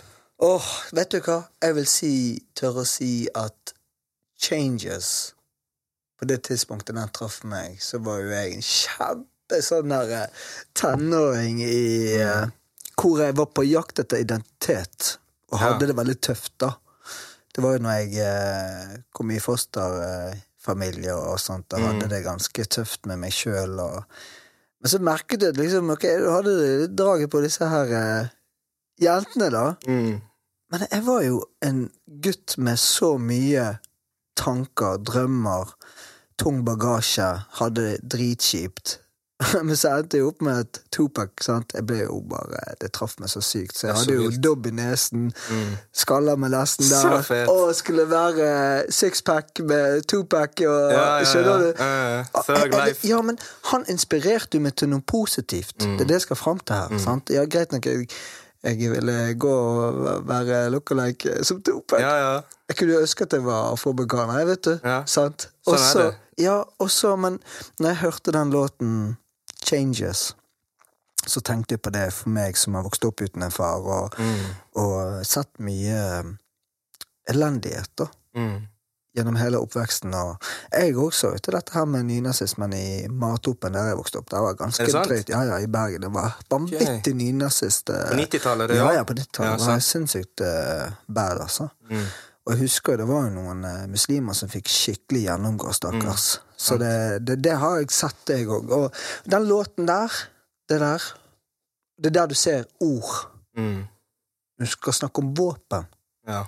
Ord er våpen. Ord er våpen, så godt sagt. Sant? Og det kan enten skade, ødelegge, drepe, bryte ned. Men det Topak gjorde med den låten, 'Changes', det var jo på en måte en appell som er med å, oppmuntre til mer fred, mer samhold, mer brødre og søstre, Yes. mer respekt, Mm. mer unity. Så mange gode ting, da. Og folk, den- og folk sier 'få ungdommen vekk fra hiphopen'. Ja, ja, nei, Få så, ungdommen inn på riktig hiphop, så er du mer der. Riktig, sant? Så det er litt det der eh, Den låten, og han var jo et forbilde, sant? Mm. Så for meg, i en tid der jeg ikke hadde forbilder Mm. i min egen familie Sant. Så det var bare et lite innspill. Ja, det var sterkt innspill, Gino. Veldig sterkt. eh, Fordi det er jo som du sier, sant eh, og, og, og det er jo Altså, Kanskje desto vanskeligere når man har det vanskelig og ikke har en type eh, farsfigur, eller morsfigur for den saks skyld, Mm. så, så tror jeg det kan gjøre noe som er vanskelig, enda vanskeligere. Mm. Eh, og det at du på en måte du, Jeg, sa jo i har jo, Min far har jo faktisk vært en rollemodell for meg. Ikke sant? Eh, og hvor viktig det er med rollemodeller. Sånn som du, du hadde ikke den faren, eh, men du fant andre gode rollemodeller. Ja. Og ja, det er bare så sterkt av hvordan man kan vinkle det til, til det du gjør nå, istedenfor å se på, på hva rappere kan rappe om. Mm. Så velger man allikevel å, å plukke ut det gode budskapet. Ja. Eh, og det er det ikke alle som klarer. Nei, for, for meg har jo det vært egentlig snakk, Hvis vi skal gå- tune litt inn på det her med Ja, det. mindset og liksom hva som Mm. gjør at man kan klare å stå imot utfordringer, ikke sant. Så for Ja. meg har jo det vært en eh, I det lange løp nå, da, så har jeg lært at eh, motstand kan bli en ressurs for meg. En god, sterk ressurs for meg. At utfordringer kan òg gi meg rom for å vokse. Sant? Både mentalt og, og åndelig sett. Og, altså på hele livets uh, Alle livets områder, da. Uh, og, og, uh, og det er litt sånn der eh, å finne noen nøkler. Mm. Sant? Altså, jeg eh, jeg eh, nøkler i hverdagen til å, å klare å stå oppreist, da. Sånn som meg som ikke har hatt noen typiske forbilder i min familie, sant? som vi var inne på nå. Tupac. Jeg, jeg, jeg fòret jo meg med musikk Mm. som ga meg noe, sant? Uh, og til og med Michael Jackson òg. Ja, ja, Heal the World. 100% Sant? Den låten der var en låt som traff meg så sykt. Og det er jo kanskje mye av grunnen til at uh, jeg sitter her, og nå har jeg en podkast i tillegg til Jeg har jo drevet mye med musikk opp gjennom årene, Mm. og i alle slags mulige roller, og at min drivkraft til musikk er jo for å gi noe positivt. Uavhengig hvor mange eh, Om jeg skal ha gatekred, det, det trenger jeg ikke. Nei, det er ikke det det handler om. Nei, det er ikke det du det har et dypere budskap. Jeg er ikke ute etter å skal please mennesker. Sant? Jeg vil heller gi noe til mennesker som kan gi dem en please. Ja, det er fint sagt. Sant? Jeg skal ikke ha at her er meg, Mm. men det er heller her er dette her er ord, disse ordene, dette budskapet skal Mm. Ikke være med hva kan jeg få, men hva kan jeg gi? Yes. Mm. Så ja, det er jo litt derfor òg, sant. Jeg òg hadde i hvert fall ikke lyst til å uh, Eller jeg hadde ikke trodd at jeg skal ende opp å jobbe i, på en institusjon sjøl. Men det er jo litt gjerne fordi jeg har vært gjennom en del ting og vært et eh, barn og en ungdom som har hatt det grisetøft. da. Mm. Så jeg syns det var veldig interessant å høre dine valg, da. Ja. Til å komme inn i, inn i det yrket der. ja, vi har jo mange likheter, da. Ja. Og som du sier, en felles forståelse for hvordan ting har vært, og, og, Mm. og hvorfor man kanskje jobber med det man jobber med i dag, da. Mm. Så det, Men, men sånn som nå eh, Hva er din eh, Hva er yrket du nå, da? Er du politi nå? nei, nå Nei. jobber jeg i, eh, jeg jobber i barnevernet, Mm. men ikke på institusjon direkte med ungdom akkurat nå, men nå jobber jeg med de ansatte som jobber på institusjon. Mm. Eh, Så det vil si en del av et team som gir eh, opplæring innenfor trygghet og sikkerhet og barns rettigheter og bruk av tvang mm. under opphold på institusjon. Eh, så, så, det, så nå jobber jeg da med de ansatte som Altså, jeg jobber jo sjøl på institusjon, men nå jobber jeg med de andre som jobber med barna. Okay. Så, det er liksom min, eh, min jobb per dags Kursing, dato. rett og slett, da? Ja, Oppfølging og- oppfølging, ja, den biten der. Eh, og mye starta jo også fordi man hadde jo veldig mye eh, med disse ungdommene. da, ikke sant? At du, du hadde dessverre en del drap blant ungdom. En ting var at du hadde ungdom som hadde drept eh, ansatte på institusjon. Eh, Jeg vet ikke om folk husker Asker-drapet. ikke Jo, sant? jo. Små enheter der. Ja, Ja. eh, jeg tror det var det det het der. Eh, Hvor det var ei ung dame som eh, Stemmer. Mm, som mista livet, dessverre, av en ungdom der. Og så hadde du hun eh, jenta på broa, for å ta det litt lokalt, da, her Ja, ja. i Kristiansand, Ja. som skulle hoppe fra varebroa 100 ganger. Ja. Eh, Så endte det opp da dessverre med at hun tok eh, nesten altså et, nesten to liv på Sørlandssenteret. Yes. Og så hadde du eh, altså Jakob, eh, som, som ble drept på Lund, sammen med hun dama som var lærer, som skulle prøve å hjelpe han. Du hadde et Søgne-drap eh, hvor det var en ungdom som drepte en annen ungdom. Altså Det har vært så mange tilfeller hvor, hvor ungdom da på en måte har begått disse alvorlige handlingene. Eh, og man ser, både før og etter, så ser man at det har vært veldig mye i gamet vi jobber i nå, Gino. Eh, så er det jo fortsatt veldig mye trusler, og det er mye vold. Eh, så det å liksom jobbe med trygghet og sikkerhet på institusjon har vært ekstremt viktig. Altså, hvordan kan man eh, gjøre det tryggest mulig både for voksne på institusjon, men også ikke minst for barna? Hvorfor tror ikke du dette handler litt om at dette her er barn? Jo, det er det vi snakker om. Hva, hva ligger bak handlingene? Det er det vi må jobbe med. Det det vi må jobbe med. Eh, Men så er det jo selvfølgelig, altså, man ser jo handlingene, og, og de kan være farlige. Mm. Så man skal jo samtidig være bevisst på at ok, vi må håndtere disse utfordringene. Vi kan ikke bare tenke denne gutten eller jenta som faktisk kan ta livet mitt her i denne situasjonen. Det er bare et barn. Akkurat der og da så må du håndtere det som en potensiell drapsmann, Mm. fordi det står, altså livet er på spill. Men i, i fredstid, da må, man jobbe, da må man jobbe med alle disse tingene. Ikke sant? Hvordan kan man få det best mulig? Hvordan kan man ikke komme dit? Altså, Hvordan kan man jobbe med forebygging? Eh, og det er jo et veldig stort og interessant tema. Eh, hvordan man på en måte kan ja, ja, det vi pleier å si, trygge voksne gir trygge barn. Amen. Så hvis, du har, eh, så hvis man jobber med oss sjøl først, Mm. eh, og tenker ok, hvordan kan vi hjelpe, Mm. og da må vi først på en måte gi oss sjøl noen verktøy som gjør at vi klarer å hjelpe disse ungdommene. Godt sagt. Mm. Hva tenker du vi kan bli, bedre, altså, bli enda bedre på? I barnevern. For det har vært mye Det er så mye dårlige nyheter rundt Mm. ordet barnevern. Ja, og det er forståelig, selvfølgelig. Og, det er jo igjen, sant? hva er det media skriver om og ikke? Altså, det er ikke alltid disse solskinnshistoriene kommer frem. Og, og, og det er jo ofte eh, Og det skjønner jeg jo også, både politi og barnevernet har, har viktige jobber, så når de først gjør noe galt, så får det fatale konsekvenser ofte. For familie og for barna. Eh, så det er jo klart man setter fokus på det som, som på en måte kan ødelegge. Eh, men men det, de, de, de gjør mye bra. Altså, det, det er veldig mange den dag i dag som takker og bukker for at barnevernet eksisterer. Fordi det har fått de ut av et voldelig hjem. Det har, det har fått de vekk fra eh, seksuelle overgrep, misbruk, det ene og det andre, som har gitt de trygge rammer. Eh, så, man har liksom mange gode historier som, som også har hjulpet mange ungdom. da. Så tror jeg at man glemmer det at, ok, du har ordet politi, Mm. det er ordet barnevern, Yes. men det er ordet menneske Mm. som jobber der. Yes. Som det du sa tidligere, at du har skurker Mm, i alle slags yrker og settinger, mm, men du er òg gode mm, mennesker som oppriktig ønsker å hjelpe, som Ja. gir kjærlighet. da. Mm. Så la oss si, hvis vi glemmer ordet barnevern, mm, men du har en gutt som Mm. har opplevd for eksempel da misbruk, mm, som da heldigvis det blir fanget opp, han får hjelp, han får Mm. trygge voksne, mm, han får uh, for å får kommet seg Altså han får i hvert fall den hjelpen han trenger, yes. og blir beskyttet, da. yes. Men den historien kommer ikke fram. Han gjør ikke det. Og der, Tjommi, svarte du på ditt eget spørsmål. Hva kan vi, hva, hva kan vi bli Ja. bedre på? Ja, Jo, det er å se enkeltmennesket. Se enkeltmennesker. Rett og slett. Wow. Hvordan gjør vi det? Nei, si det. det man må, først og fremst tenke at man må tørre.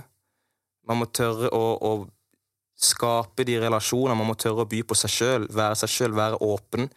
For å kunne skape tillit, så må man være åpen. Uh, man må ha den gjensidige respekten, man må ha den forståelsen, den ydmykheten. Det holder ikke å si 'jeg er voksen, du er barn, du skal høre på meg, for jeg vet bedre'. Jeg vil det beste for deg, riktignok, men, men derfor må du høre på meg. Så man må, man må forklare hvorfor eh, gjør man disse tingene. Hvorfor kan dette bidra til at du får det bedre? Eh, ja, Vise litt mer forståelse for hvor folk kommer fra. Eh, som du sier, vise forståelse for disse handlingene som ligger bak. Greit, jeg skjønner at du har gjort det og det og det og det. Isolert sett så er det en uh, ulovlig og en farlig handling, men jeg forstår hvorfor du gjorde det. Så det å liksom begynne med en aksept Jeg aksepterer at dette har skjedd, og så må vi jobbe derifra. Mm. Istedenfor liksom bare å komme med, med pekefingeren da, og si det er ikke lov, det er ikke greit. Mm. Og, og det har jeg kanskje opplevd sjøl mange ganger som, som liten, at uh, det å få en pekefinger og få en moralpreken Jeg tror kanskje vi det var mye mer ut av det og gikk før enn det det er i dag, kanskje. At vi har blitt mye mer flinkere på, på den åpenheten jeg prater om nå. En annen måte å håndtere ting på. Eh, fordi man ser kanskje at mye av den moralprekenen da kanskje ikke nødvendigvis fører frem.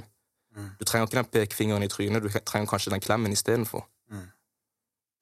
Så Ja, er vi generelt for dårlige til å gi eh, At det er mer fokus på pekefinger enn de, altså Det er sikkert noen enkeltpersoner som fortsatt trenger å gå noen runder med seg sjøl og, og kanskje endre sin eh, kommunikasjonsform. Eh, men jeg, jeg tror oppriktig at vi har blitt bedre i dag enn det vi var før. Både i politiet, det ser jeg sjøl når jeg gikk på Politiskolen, hvor, hvor mye økt fokus de har fått på forebygging, kommunikasjon og konflikthåndtering. Mm. Barnevernet også, hvordan de Før kunne det bli utageringssituasjoner fordi man på død og liv skulle ha capsen av ungdommen under middagsbordet. For det, det handler om liksom folkeskikk. Nei, du skal ikke sitte med caps når vi spiser, så blir det helt kaos på grunn av det. Ja. Men istedenfor så har man kanskje helt andre fokusområder, andre tilnærminger, som, som gjør at vi Ja, jeg, jeg føler vi I hvert fall fra min erfaring. Mm. Det er sikkert mange ungdommer som opplever dritt der enda, og, og det vil alltid være, det vil være uenigheter, men av min egen erfaring så, så føler jeg at vi har kommet et veldig godt stykke på vei. Vi har fortsatt en vei å gå, sånn vil det alltid være, Mm. men vi har kommet et godt stykke på vei, og jeg, jeg føler vi har blitt bedre til å se ungdommene og, og hvordan man jobber med dem. Så er det forskjellig fra institusjon til institusjon. Fra politistasjon til politistasjon. Det er forskjellig. Selvfølgelig. Det handler jo veldig mye om lederskap og, og retningslinjer. Mm.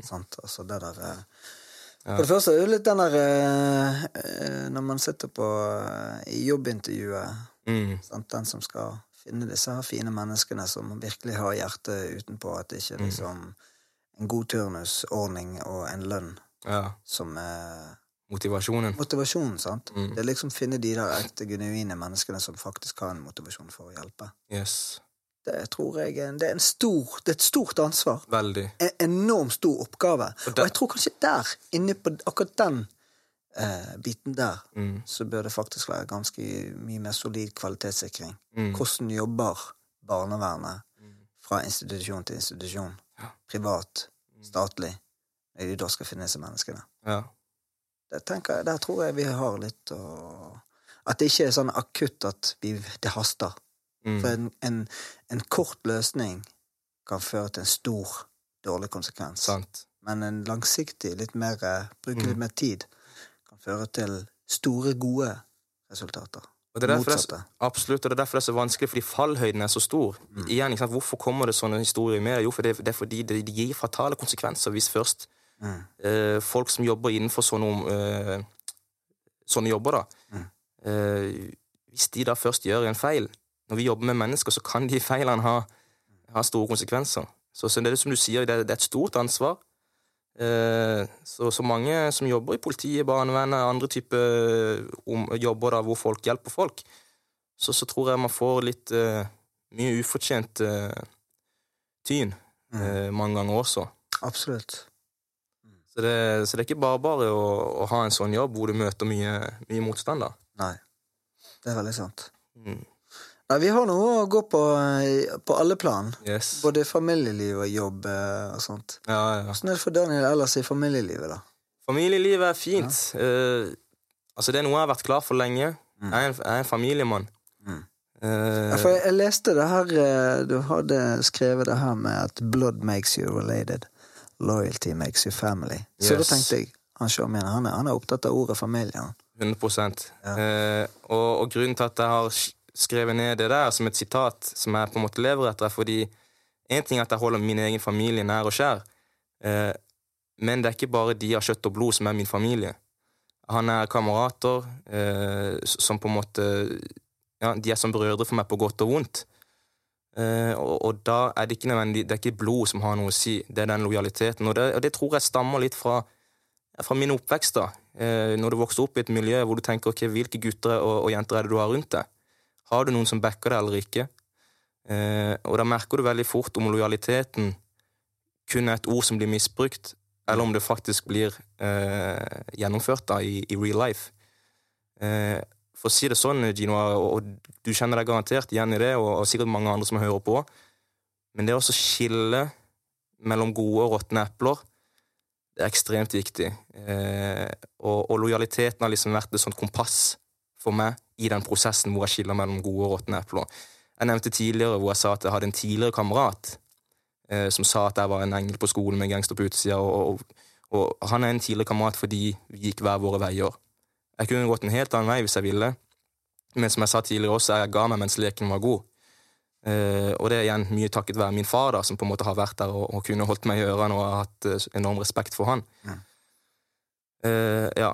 Så det har liksom gjort at jeg har tenkt at lojalitet, det er viktig. Jeg vil heller ha en inner circle som består av kvalitet. Om det bare er to-tre venner, so be it. Men jeg vil heller ha to-tre lojale venner enn hundre jeg ikke kan regne med. De, kan være, altså de hundre kan være gode venner, de òg, men de er ikke top notch. Altså, de er ikke der som backer deg når, når, måte, når stormen kommer. Ja. Så, så, så derfor er lojalitet veldig viktig for meg, og derfor har jeg skrevet 'Blood makes you related', 'Loyalty makes you family'. Ride and die. det er liksom den mentaliteten jeg har vokst opp med, på en måte. Men det er jo litt sånn at jo eldre du blir, så blir man kanskje litt mer bevisst på hva har du rundt deg, sant? som er med å gi deg påfyll i livet. Mm. Til inspirasjon, til motivasjon, og som er med å gi deg gode verdier, holdninger, Mm. gode rutiner. Der har jeg jo en tatovering på brystet her, der hjertet eh, Det er hebraisk skrift, Ja. og det står mishpacha. Det betyr familie på hebraisk. Eh, og det er litt sånn Så husker jeg hadde en eh, Det var en tøff periode i livet mitt med min egen familie, med mine søsken, mine foreldre, eh, hvor jeg følte familien gikk i oppløsning. Jeg trenger ikke nødvendigvis gå inn på det her nå, men, men eh, eh, det gjorde at familie ble enda sterkere for meg. Så husker jeg noen i familien min spurte ja, det var midt i en krangel. da. Og den tatoveringa di, da, betyr ikke det noe, liksom? Familie, familie, og, og, og så nå står vi her og krangler, liksom. Hva, hva er familie? Eh, og det jeg liksom tenkte på da, og, og svarte med oss, er jo at eh, en dag så skal jeg bygge min egen familie. Mm. Så familie, det handler ikke nødvendigvis om de du har rundt deg, men det handler om den derre ja, om, om den visjonen om å bygge din egen familie. For det har alltid vært hos meg. At jeg gleder meg til liksom jeg kan bli Det var liksom, det ga meg mening i livet. Bli voksen, finne deg dame du elsker, få barn, stifte familie. For meg så var det en stor greie. Ja. Eh, så derfor, den tatoveringa betyr ikke liksom bare meg, mine søsken, mor og far, selv om man innebærer det. Mm. Men det betyr bare at ok, den er så personlig for meg at en dag så skal jeg bygge min egen familie. Mm. Eh, Og der er jeg i dag, apropos familieliv. Jeg har en guttunge som snart blir to. Mm. Jeg har en kone jeg har et, et fint og flott liv sammen med. Og hun er gravid nå med vår nummer to. Så Blessings. Det er virkelig en Blessings på blessing. blessings. 100% Og det er så deilig. Og, og det kommer nye gutter nå i, i august. Mm. Og det å få to tette gutter, det blir uh, sykt kos. Er jeg stolt, eller? Veldig. Ja, ja, ja. Ja. Så det skal bli uh, Nei, det skal bli skikkelig bra. Funnet navn allerede? Ikke helt. Vi er litt uenige der. Okay. Uh, sånn er det, men Ja. vi kommer der. Vi kommer Kommer der. til løsning. Yes. Det løser seg. Finnes alltid en løsning. Ja, hvordan er det å være apropos det med søsken, hvordan er det å være eh, bror? Er du lillebror eller storebror til uh, det søster Monica, som er veldig synlig både i media og Ja. som influenser? Nå må jeg ta en slurk med vann her, for hun er et, hun er et kapittel for seg sjøl, skjønner du. Nei da. Vi trenger, trenger vi mange timer eh, til her på poden? Bare kødder. Nei da. Nei, eh, Monica er min storesøster. Eh, Så jeg har to, Vi er jo seks søsken, men Monica er min storesøster, og Netanel er min storebror. Så vi har eh, Ja, så, så jeg har jo Hva skal jeg si, Selv om hun har vært min storesøster, så har jo jeg av og til kanskje oppført meg litt som storebror også. Det har sikkert irritert henne til en viss grad, men, men, men sånn har det vært. Jeg husker bare liksom når hun begynte å røyke sigaretter. Mm. Tenkte sånn, Min søster skal ikke begynne å røyke. Ja. Og, og, og hun var jo min storesøster, da. Så var vi på samme arbeidsplass en periode som telefonselgere. Oh, ja. Og da gikk, og, og, og, hvis- når jeg så hun i pausen ta, så, For hun røykte jo ikke fast, det har hun aldri gjort. ja, ja. Så satt hun og liksom røykte på en sigarett, og sånn, så, så, så provoserte det meg, for det var liksom ikke Monica. Du gjør ikke sånn. Du, du er storesøster, du, du skal holde deg unna det drittet. Det trigget noe i deg, det. Det Altså. trigget noe i meg. Og så har hun vært flink til å si til meg Daniel, du må ikke røyke, du må ikke gjøre sånn, du må ikke gjøre det til datt. Passa litt på meg da, som storesøster. Så når jeg så den røyken, så gikk jeg bort og tok den fra henne. Eh, men det var en engangstilfelle. Jeg visste jo at jeg kan ikke gjøre det alltid. Men det jeg kan gjøre, jeg kan finne ut hvem er det som bommer disse siggene. Og det gjorde jeg. Du gikk til kilden, du. Yes, right to the source. Så det jeg gjorde da, jeg husker det så godt, og hun, hun husker det sikkert sjøl, ellers får hun et flashback nå når hun hører på. Eh, Men da gikk jeg til spesielt én fyr, husker jeg, som var litt keen på henne. Eh, og når du er keen på noen, så gir du dem alt. Så han, han kunne gi henne hele røykpakka, ikke sant? Og jeg tenkte det skal du ikke. Så jeg gikk hen Du bak ville ikke ryggen ha hos han som svoger, altså? Nope. Nope. Og det var ikke han som ble svoger heller. Nei, nei. Så gikk jeg hen og sa til han uh, In my gangster ways At du er ferdig med å bomme henne røyk Ja, men hun var så sånn og sånn Så sier jeg, nei, er ferdig snakka Du skal ikke gi henne røyk Gir du henne røyk, så blir dette konsekvensen Og så fikk hun ikke røyka Han ble jo dritsur på meg For hun fant ut at nei, din bror tillater ikke det Hvem er han til ikke tillater det? Han er lillebror, han skal holde kjeft Han, skal ikke, han bestemmer ikke over meg Ja. så, så det var et lite sånn tilfelle, og så kunne jeg være overbeskyttende i forhold til andre gutter ikke sant, som var eldre, som på en måte Måtte de godkjennes av deg? Jeg følte litt det. Ja, du følte det. Og det? tror jeg mine søstre, både Monica og mine småsøstre også, har følt litt på.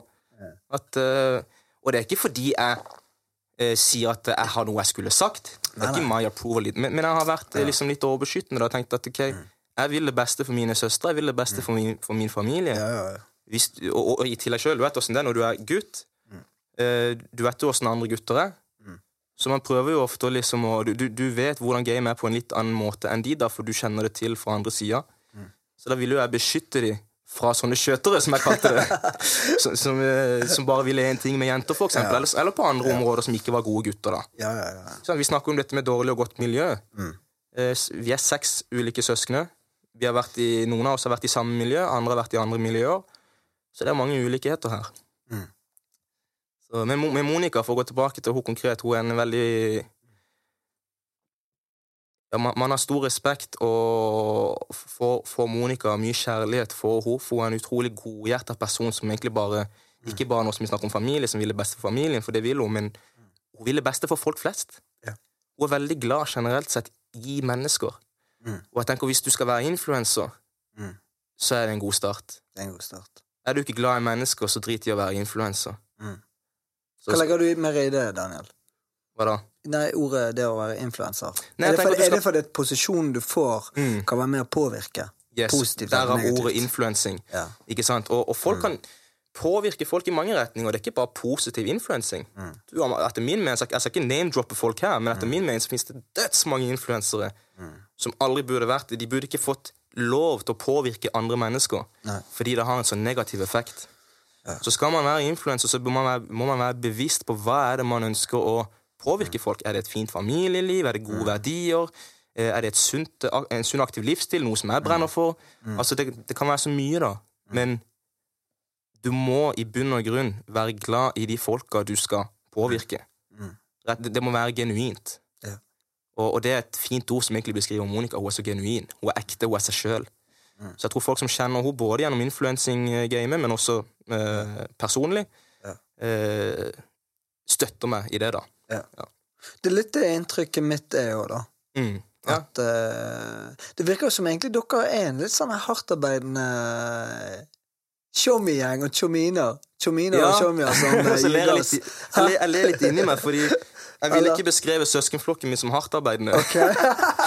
er ikke noe det? Altså, i livet Er det bare det visuelle man eh, får inntrykk av, da? Nei da, altså, altså de, man jobber hardt på ulike områder, og nå tuller jeg litt her, men ofte når folk tenker hardtarbeidende, så tenker de ok, da har du en jobb, du høsler og grinder, du får pengene dine og, og paychecken, liksom, men, Ja. men det finnes mange, og, og det er ikke der, søskenflokken er veldig splitta der. Det er ikke alle som jobber, for eksempel, og det er ikke alle som på en måte har den der drivkraften i hverdagen for å få gjennom ting. Ja. Eh, der er vi forskjellige, men allikevel så jobber de eh, på et, et personlig plan. Med seg sjøl, med hvordan man lever livet. Ja. Altså det, det er jo en, en, en jobb som gir deg penger. Det, det er en jobb per definisjon. Men den ekte jobben her, jo altså Det høres veldig dypt ut, men det er jo livet. Mm. og der vil jeg si vi er hardtarbeidende. For selv om man på en måte kanskje ikke har hatt så veldig mange ressurser i oppveksten, og hatt det ene og det andre, så har vi allikevel sinnssykt gode verdier, vi har et sterkt samhold på tross av ulikheter. Det har vært masse konflikter, men allikevel så har kjærligheten vært så sinnssykt stor at uansett så, så står vi sammen som familie. For å sitere ordet 'størst av alt er kjærlighet'. Yes, der sa du det. Og der tenker jeg, der kommer hardtarbeidende inn i sin riktige form. Mm. For klarer du på tross av det ene og det andre og allikevel på en måte eh, stå så sterkt sammen, da, da har du jobba hardt. Fordi det, det krever, altså, sånn er alle relasjoner. Det kan være du og dama di, meg og dama mi, altså, det kan være foreldre Uansett hvilken relasjon man snakker om, Mm. så krever det arbeid. Eh, og ja, så, så Det er det jeg sier familien min er hardt arbeidende på akkurat det, da. Selv om ikke vi er helt A4. Du, jeg bare fikk bare lyst til å stille et spørsmål her. Og veldig fine ting du sier da. Hva betyr ordet tilgivelse for deg? Det er dypt. Eh, For å ta et eksempel, da.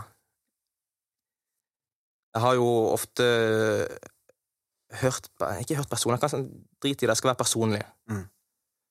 Jeg har sjøl tenkt ok, vet du hva, jeg tilgir denne personen Mm. for et eller annet, Eh, men selv om jeg har tilgitt personen, så har jeg likevel, når jeg har sett personen, så har jeg kjent på en sånn her resentment. Jeg vet ikke hva det heter på norsk. Det vekker i hvert fall noen negative følelser. Yes. Jeg kan, jeg kan kjenne litt på hat, Ja. bitterhet, Mm. så sånne ting, da. Mm. Eh, og da har jeg egentlig misforstått Da tror jeg jeg må ta en ny runde. Har jeg egentlig tilgitt den personen? Mm. Fordi tilgivelse handler ikke om at den andre personen på en måte eh, skal ha det godt eller det ene eller andre. Mm. Altså, det handler ikke om den personen, egentlig. Det handler mest, først og fremst om deg sjøl.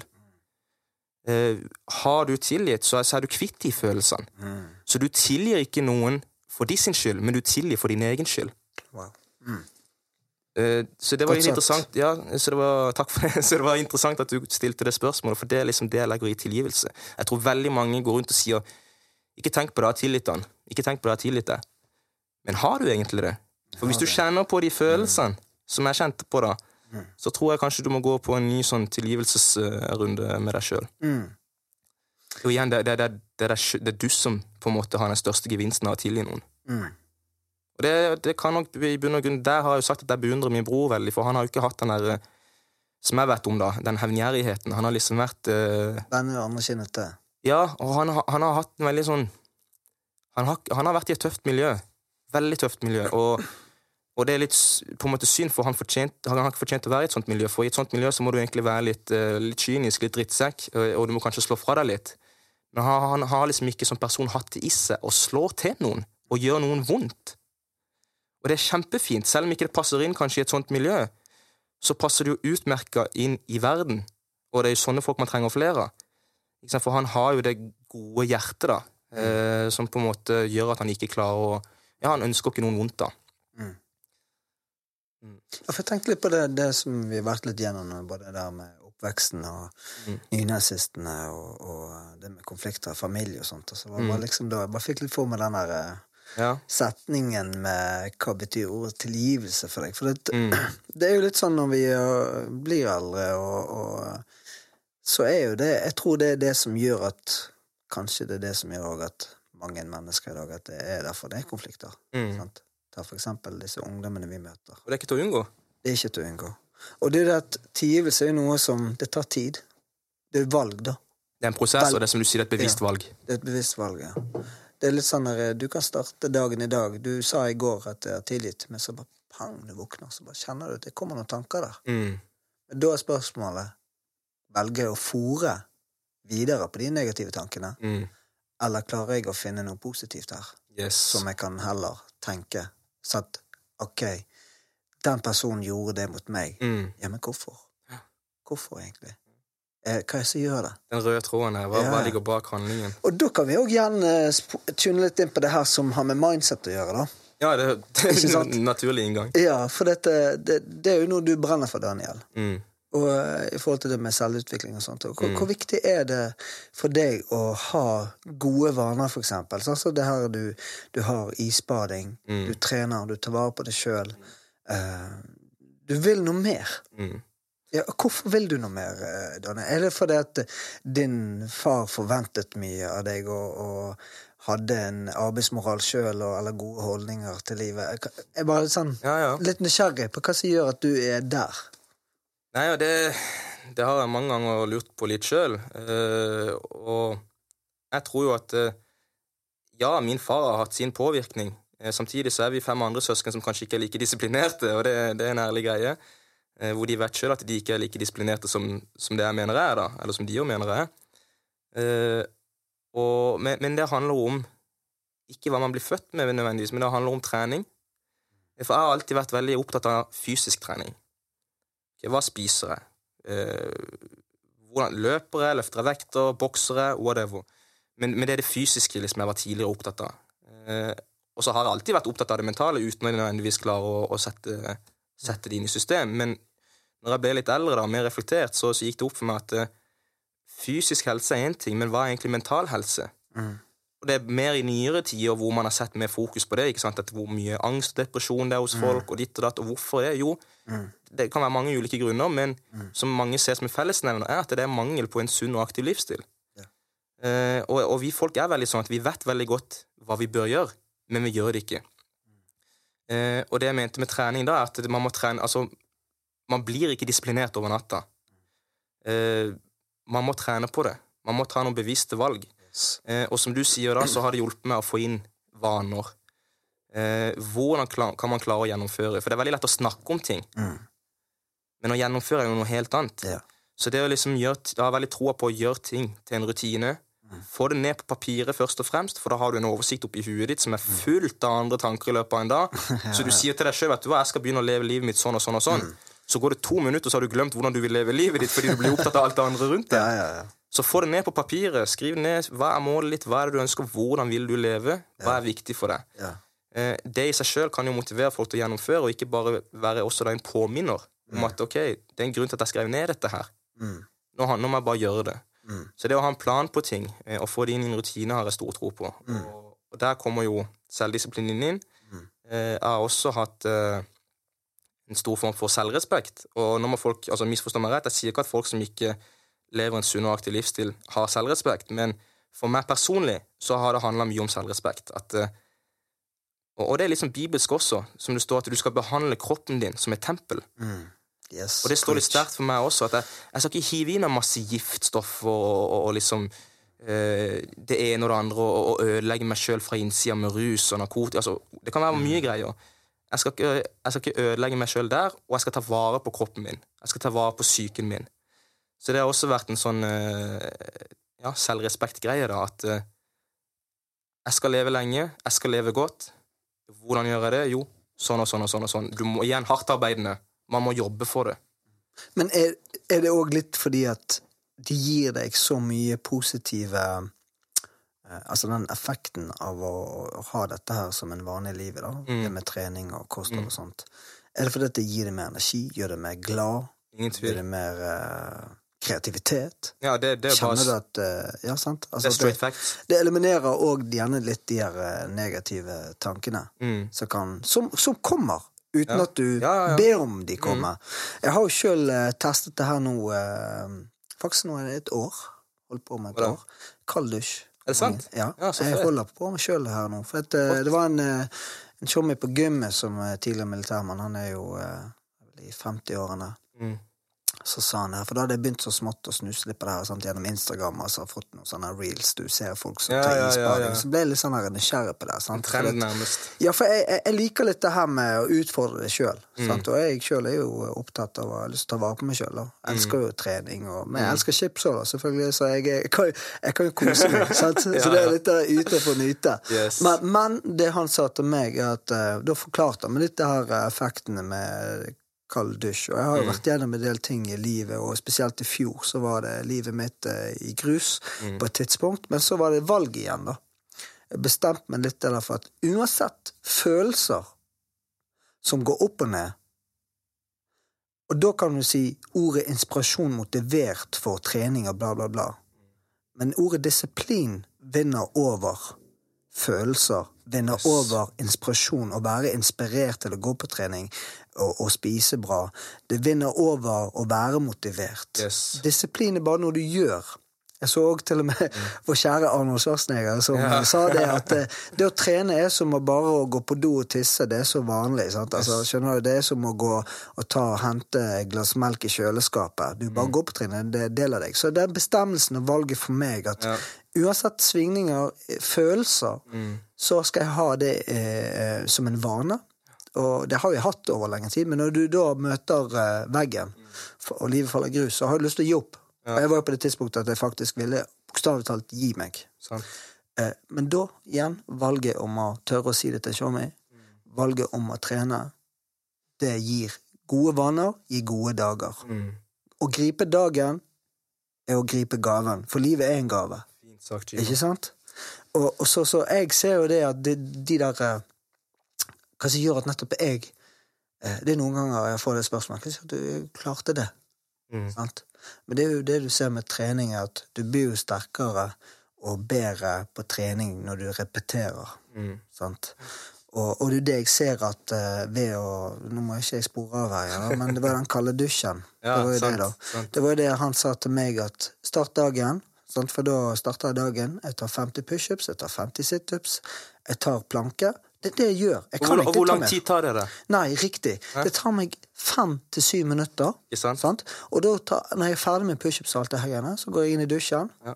Og så tar jeg Jeg jukser kanskje, da. Jeg tar eh, 30 sekunder. Bare varme, bare for å gå inn. Og så snur jeg den helt på det kalde. Ja. Og så teller jeg, som han sa til meg, tell fra 100 ned til 0. For det første så starter du dag med å vinne over ordet frykt. Yes. Du vinner. Du starter dag med å vinne. Du starter dagen med mestringsfølelse. Yes. Så det å er overvinne. Mm. en frykt, sant? Så for det første så jobber du òg med pusten. Når du teller fra 100 til 0, så jobber du med pusten din. Teknikk. For det er jo sånn, sånn Mm. Ja, ja, ja. første sekundet der. Og så jobber du med pusten. Til slutt så står du nesten der og sier shit, jeg kan ta mer når jeg har kommet inn til null, så fortsetter jeg. Det er så rått. Skjønner du? Så det er det jeg gjør. Så tenker jeg jeg tar ti sekunder til. Jeg tar ti sekunder til. Og er det kroppen din som sier at tar ti sekunder. til, eller er det hodet ditt? Nei, jeg kjenner hodet mitt Sant? Så, kjenner Så det, det er en mental så greie. mentale det her, og det at jeg kjenner at hvis jeg er øm i muskulaturen, så Mm. hvorfor føler jeg meg bedre etterpå? da? Hvis jeg våkner opp av hodepine, hvorfor kjenner jeg meg bedre da? Hvis Mm. jeg våkner opp med dårlige tanker og følelser, hvorfor kjenner jeg meg bedre etter å ha gjort det der? Og i tillegg da slenge opp en liten prayer til vår kjære Herre Amen. Gud Yes. om å velsigne dagen. Så jeg sier det at jeg sier det, der starter dagen. Gode vaner. Jeg ber om visdom. Mm. Gud, gi meg visdom. Velsigne helsen. Velsigne økonomien. Og gi meg eh, rett og slett visdom til å ta gode valg. Broder, det der er Og det å så god starte start på dagen, dagen. Ja. Så det, så det der eh, jeg, jeg tror jeg, og det, Jeg ønsker jeg skjønte det her for mange år siden, Mm. men jeg tror nettopp det at det å også møte livet og få deg en knockout, Mm. du faller ned, Sant. det er da du kan lære. Yes. Da må du velge å lære. Ja, og så må du tørre å falle. Og tørre å falle. Tørre å være et menneske, tørre å feile. Fordi mange folk stepper ikke ut av komfortsonen fordi igjen frykt. De er redde for å feile. Jeg forstår det. Ja, selvfølgelig. Det er Men, naturlig. men hvis vi da kan klare å normalisere det si at vet du hva, livet kan faktisk Du kan få deg mok Mm. bli mokket rett, rett og slett ned. Men hva skjer med de som driver med boksing, da? Alle store idrettsatleter har Ja, falt, har tapt kamper. Men hva har de gjort? De har De reiser seg igjen. Yes. Og det er den mentaliteten der jeg digger. Mm. Og det er det jeg liker òg. Når jeg ser du og Arla Kristen hiver Ja, ute der, og denne konkurransen, det er jo litt sånn For det er jo liksom, du, er kjenner, du kjenner på noe vondt, men igjen så bygger det deg opp. ikke sant? Så du har reist deg igjen. Eh, og og jeg syns bare det er så fint det du sier med en god start på dagen. fordi For det første, nei, det er ikke juks å skru på varmt vann først, for du vil jo kanskje gjerne dusje der, vaske der, ta på såpe og holde på. Ja. Eh, og det er kanskje ikke sånn, Du trenger ikke å gjøre det i iskaldt vann. Det som er viktig her, er jo den kuldeeksponeringa. Så om du gjør det etter en varm dusj, ok, greit nok. Mm. Folk liker gjerne å trene først fordi det blir lettere å gå i det kalde vannet etterpå. Så det er samme hvor inngangen din er, men det viktigste som jeg har eh, lært, er jo at man avslutter med en kald dusj. Yes. Hvis du etter den Yes. kalde dusjen skrur på varmt vann igjen, Det gjør jeg ikke. Nei. 100 da er du like langt. Ja, ja, Eller da gjør du det deg selv en For det handler jo om gjøre det med blodsirkulasjon òg, sant. Altså, Mm, den er viktig Ja. for at du skal du skal kroppen, kroppen skal hite seg opp igjen. På egen hånd. Ikke ved hjelp av ytre stimuli av en varm dusj, eksempel. Nei, nei, men det er mange gode ting. Du sparer penger på Ja, sant. Men jeg, synes, jeg elsker det. Eller? Jeg er helt konstant Altså, jeg er så avhengig av det. Jeg var nede i Kypros her for en måned siden. Du betaler for uh, fett uh, opphold, sant? Ja, ja. ja velger du ikke varmt jeg dusjer kaldt. Ja. Sant? Jeg har betalt for den der eh, Sant, den varme varme. dusjen. Men vet du hva, da vil jeg heller ta et spa eller Ja. boblebad eller varm dusj seinere på dagen. Enig. Men å starte dagen, folkens Du kickstarter dagen. med å vinne over frykt. Yes. Hvem gleder seg til å dusje kaldt? Å, shit, nå skal jeg dusje kaldt. Deilig. Mm. Ingen. Jo, vet du hva? Etter hvert, når du gjør det Jeg tror meg, jeg lover er det sånn Jeg takker han showmen på gymmet der, at han sa det til meg. Ja. Og det er òg en annen ting. Jeg kunne hatt dårlig tid. Jeg tror faktisk jeg hadde litt dårlig tid den dagen. Da. Mm. Så tenkte jeg nei, for det er ikke en sånn som jeg kjenner dritgodt. Det er en som jeg snakker litt med på gymmet av og til. ja. Men det å ta seg tid Til å prate og til å høre. prate og lytte, så Mm. plutselig har du muligheten til å lære noe nytt. Sant. Så takket være den dagen der, at da var ikke min eh, ADHD-hjerne det batteriet. Det var ikke bånn gass, nå må jeg bare gjøre mitt. Men det har faktisk tatt seg tid til å lytte. det, der sier du noe, Gino, for det, det er en sånn ting jeg, også, jeg prøver å implementere i min egen hverdag og i møte med nye folk. Det er å tenke at alle mennesker vet noe du ikke vet. Har en erfaring. Så, ja, Har en læring. Yes, Du kan lære noe av alle. Til og, med den, til og med den drittsekken du hater, altså, sterkt ord, men Ja, ja. den du misliker sterkt. da. Til og med den fyren kan lære deg noe. Ja. Kanskje jeg kan lære deg ordet tilgivelse. Fint. Se det. Se det. Men ok, det det, vi- det her vi ikke snakket så sykt mye. Altså, Ja, vi må nesten uh, ta en egen om uh, trening og en og annen, nesten. Mm. Uh, En egen episode om det. Rett og slett. For det, eh, jeg har jo òg noen faste spørsmål Kjommi, som jeg right. kan stille. Nå har vi egentlig pratet om det, men ja, du tro, tror du på Gud? Absolutt. Ja, Det har vi skjønt. Mm. Hvor viktig er Gud for deg? Ekstremt viktig. Også de ordene som popper opp i huet mitt, det er nåde, Mm. kjærlighet og trygghet. Mm. Det er liksom tre ord som på en måte popper opp i hodet mitt. Og, og nåde det er fordi Gud er nådefull. Altså, apropos tilgivelse. Mm. Vi mennesker kan snakke så mye vi vil om tilgivelse, men har vi egentlig tilgitt? Og vi er i utgangspunktet veldig dårlige på å tilgi hverandre. Ja. Eh, og, og nag og det ene og det andre. Men Gud, han vil alltid tilgi. Så på tross av mine negative måte, handlinger, så, så vil jeg alltid kunne få nåde hos ham, for han vil alltid klare å se gjennom. Og det, det blir sånn rød tråd i denne samtalen her, dette Ja. med handlinger. Han ser Wow. forbi mine handlinger, Mm. og vet hvem. Hvem er Daniel? Jo, han er den og den mannen. Eh, så der kan jeg liksom finne nåde hvis ingen andre gir meg det, Mm. for å si det sånn. Eh, kjærlighet, da tenker jeg mer på den der ubetinga kjærligheten, og det henger litt sammen med nåde, at uansett hva du gjør, om du sjøl til og med i en periode i livet ditt ikke gir Gud kjærlighet Kanskje man er bitter på Gud, for det fins folk som er av ulike grunner, naturlige grunner. Men selv om man på en måte vender Gud ryggen, så vender ikke han ryggen til deg. Preach. Skjønner du? Og det er den der ubetinga kjærligheten, at uansett hva du gjør, så er jeg her. Wow. Eh, Nå får jeg frysninger sjøl når jeg sier det høyt, men, så det, det er et fint spørsmål. Wow. Og hva var det siste jeg sa? Trygghet. Og det, det er litt sånn Vi var jo inne på det innledningsvis i, i podkasten her, og at eh, de gangene jeg har vært eh, ja, kanskje redd da, ikke sant, og, og vært i et uh, miljø hvor jeg tenker ok, her uh, shit is going down, så, så har jeg liksom allikevel klart å, å bekjempe frykten fordi jeg har eh, lagt min lit til Gud. Wow. Ikke legg det i Guds hender, han fikser det. Eh, altså hvis jeg skal sette, hvis jeg skal Nå begynner jeg å stamme. Hvis, jeg prøver å snakke så fort. Hvis jeg skal sette det på spissen Rappingen jeg i gang, Yes, Spytt. Hvis jeg skal sette det på spissen Det var mange s-er i begynnelsen av ordet, så da blir det sånn. Eh, så tenker jeg at eh, Gud eh, Shit, nå falt det helt ut. Trygghet. Sette det på spissen at yes, hvis jeg til og med dør Mm. Apropos frykt. Hvis I verste fall, hva skjer? Jo, det, var- i verste fall så dør jeg. Og hva skjer da? Mm. Jeg kommer til Gud. Liksom, det, har, det har vært en sånn trygghet i hodet mitt og har gjort meg fryktløs, kanskje til tider litt for fryktløs. Men det frigjør jo òg gjerne en uh, kraft i deg, da. Yes. Som, som gjør at du blir mer uredd til å for eksempel følge drømmer. Jobbe Mm, for noe. Starte yes. noe nytt. Skape. Jeg tror vi alle er skapt til å skape på en unik måte. Absolutt. Ikke sant? Mm. Og det er jo gjerne litt det du du har den tryggheten her, da. Ja. at det gir deg en uh, frimodighet. Det står jo av ordspråkene i Bibelen at frimodighet gir stor lønn. Sant. Fint sagt. Ja. Eller fint skrevet, eller hva, hva man skal si. Nei, ok, Tjommi, men eh, ok, hva betyr ordet suksess for deg?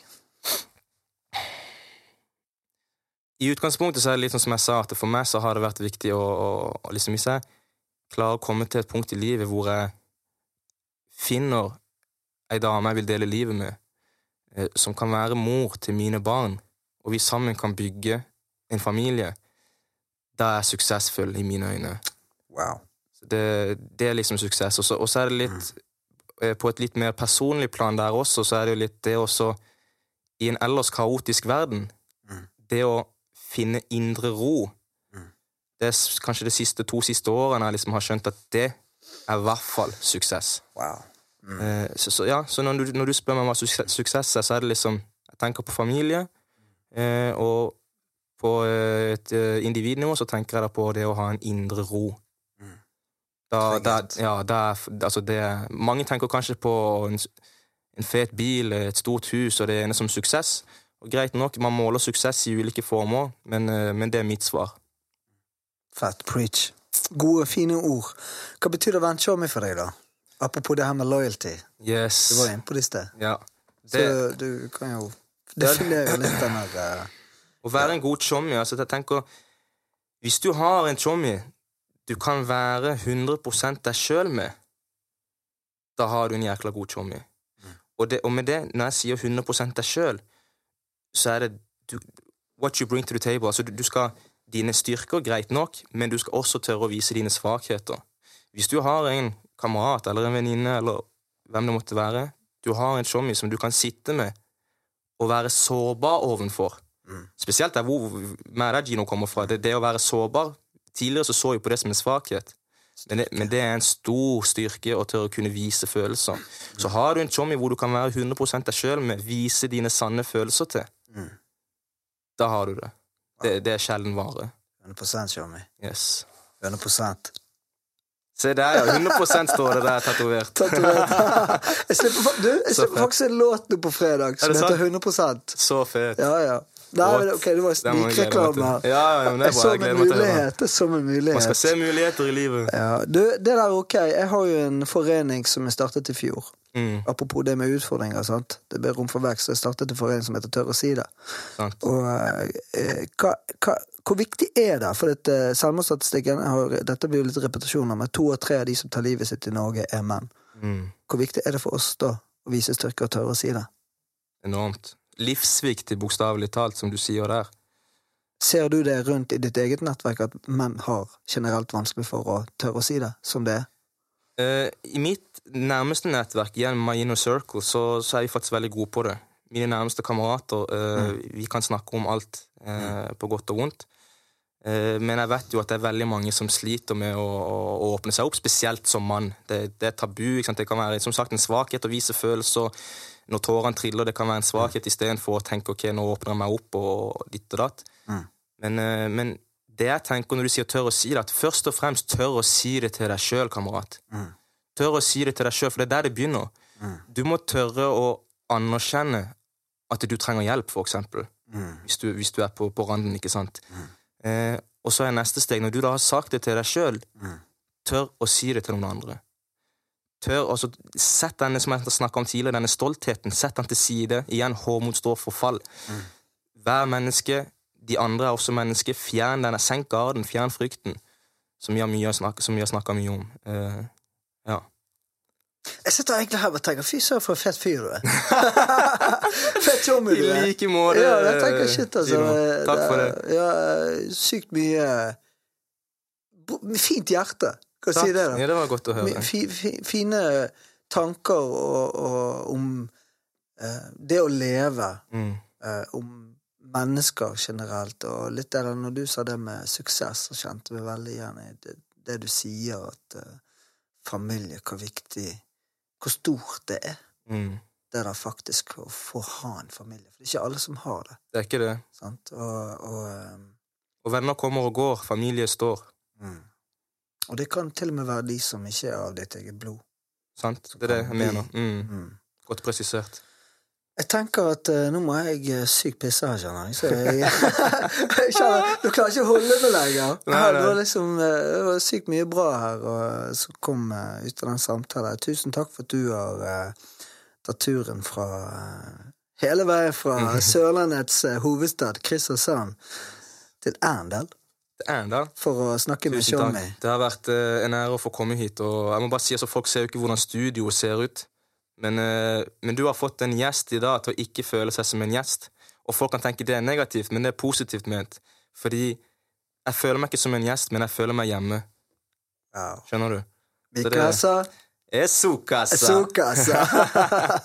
yes. Mine God damer her, jeg eh, takker for dere som eh, faktisk er det og gidder å tune inn og trykke på play på Spotify. Det er ikke noe å ta for gitt, så til dere som har hørt denne episoden, her, vil jeg bare si bless up og tusen takk for at dere har lyttet, og håper dere har fått noe ut av denne fine samtalen med showmien eh, Daniel Lund. og og så skal ikke vi se bort ifra at det kan bli litt uh, mer lyd fra uh, han der me hand etter hvert. Nå skal ikke jeg si noe og røpe noe uten å, å, å få godkjent og, og, og legge ut her, men, eh, Jeg har jo allerede sagt at jeg sto i kjeften, da.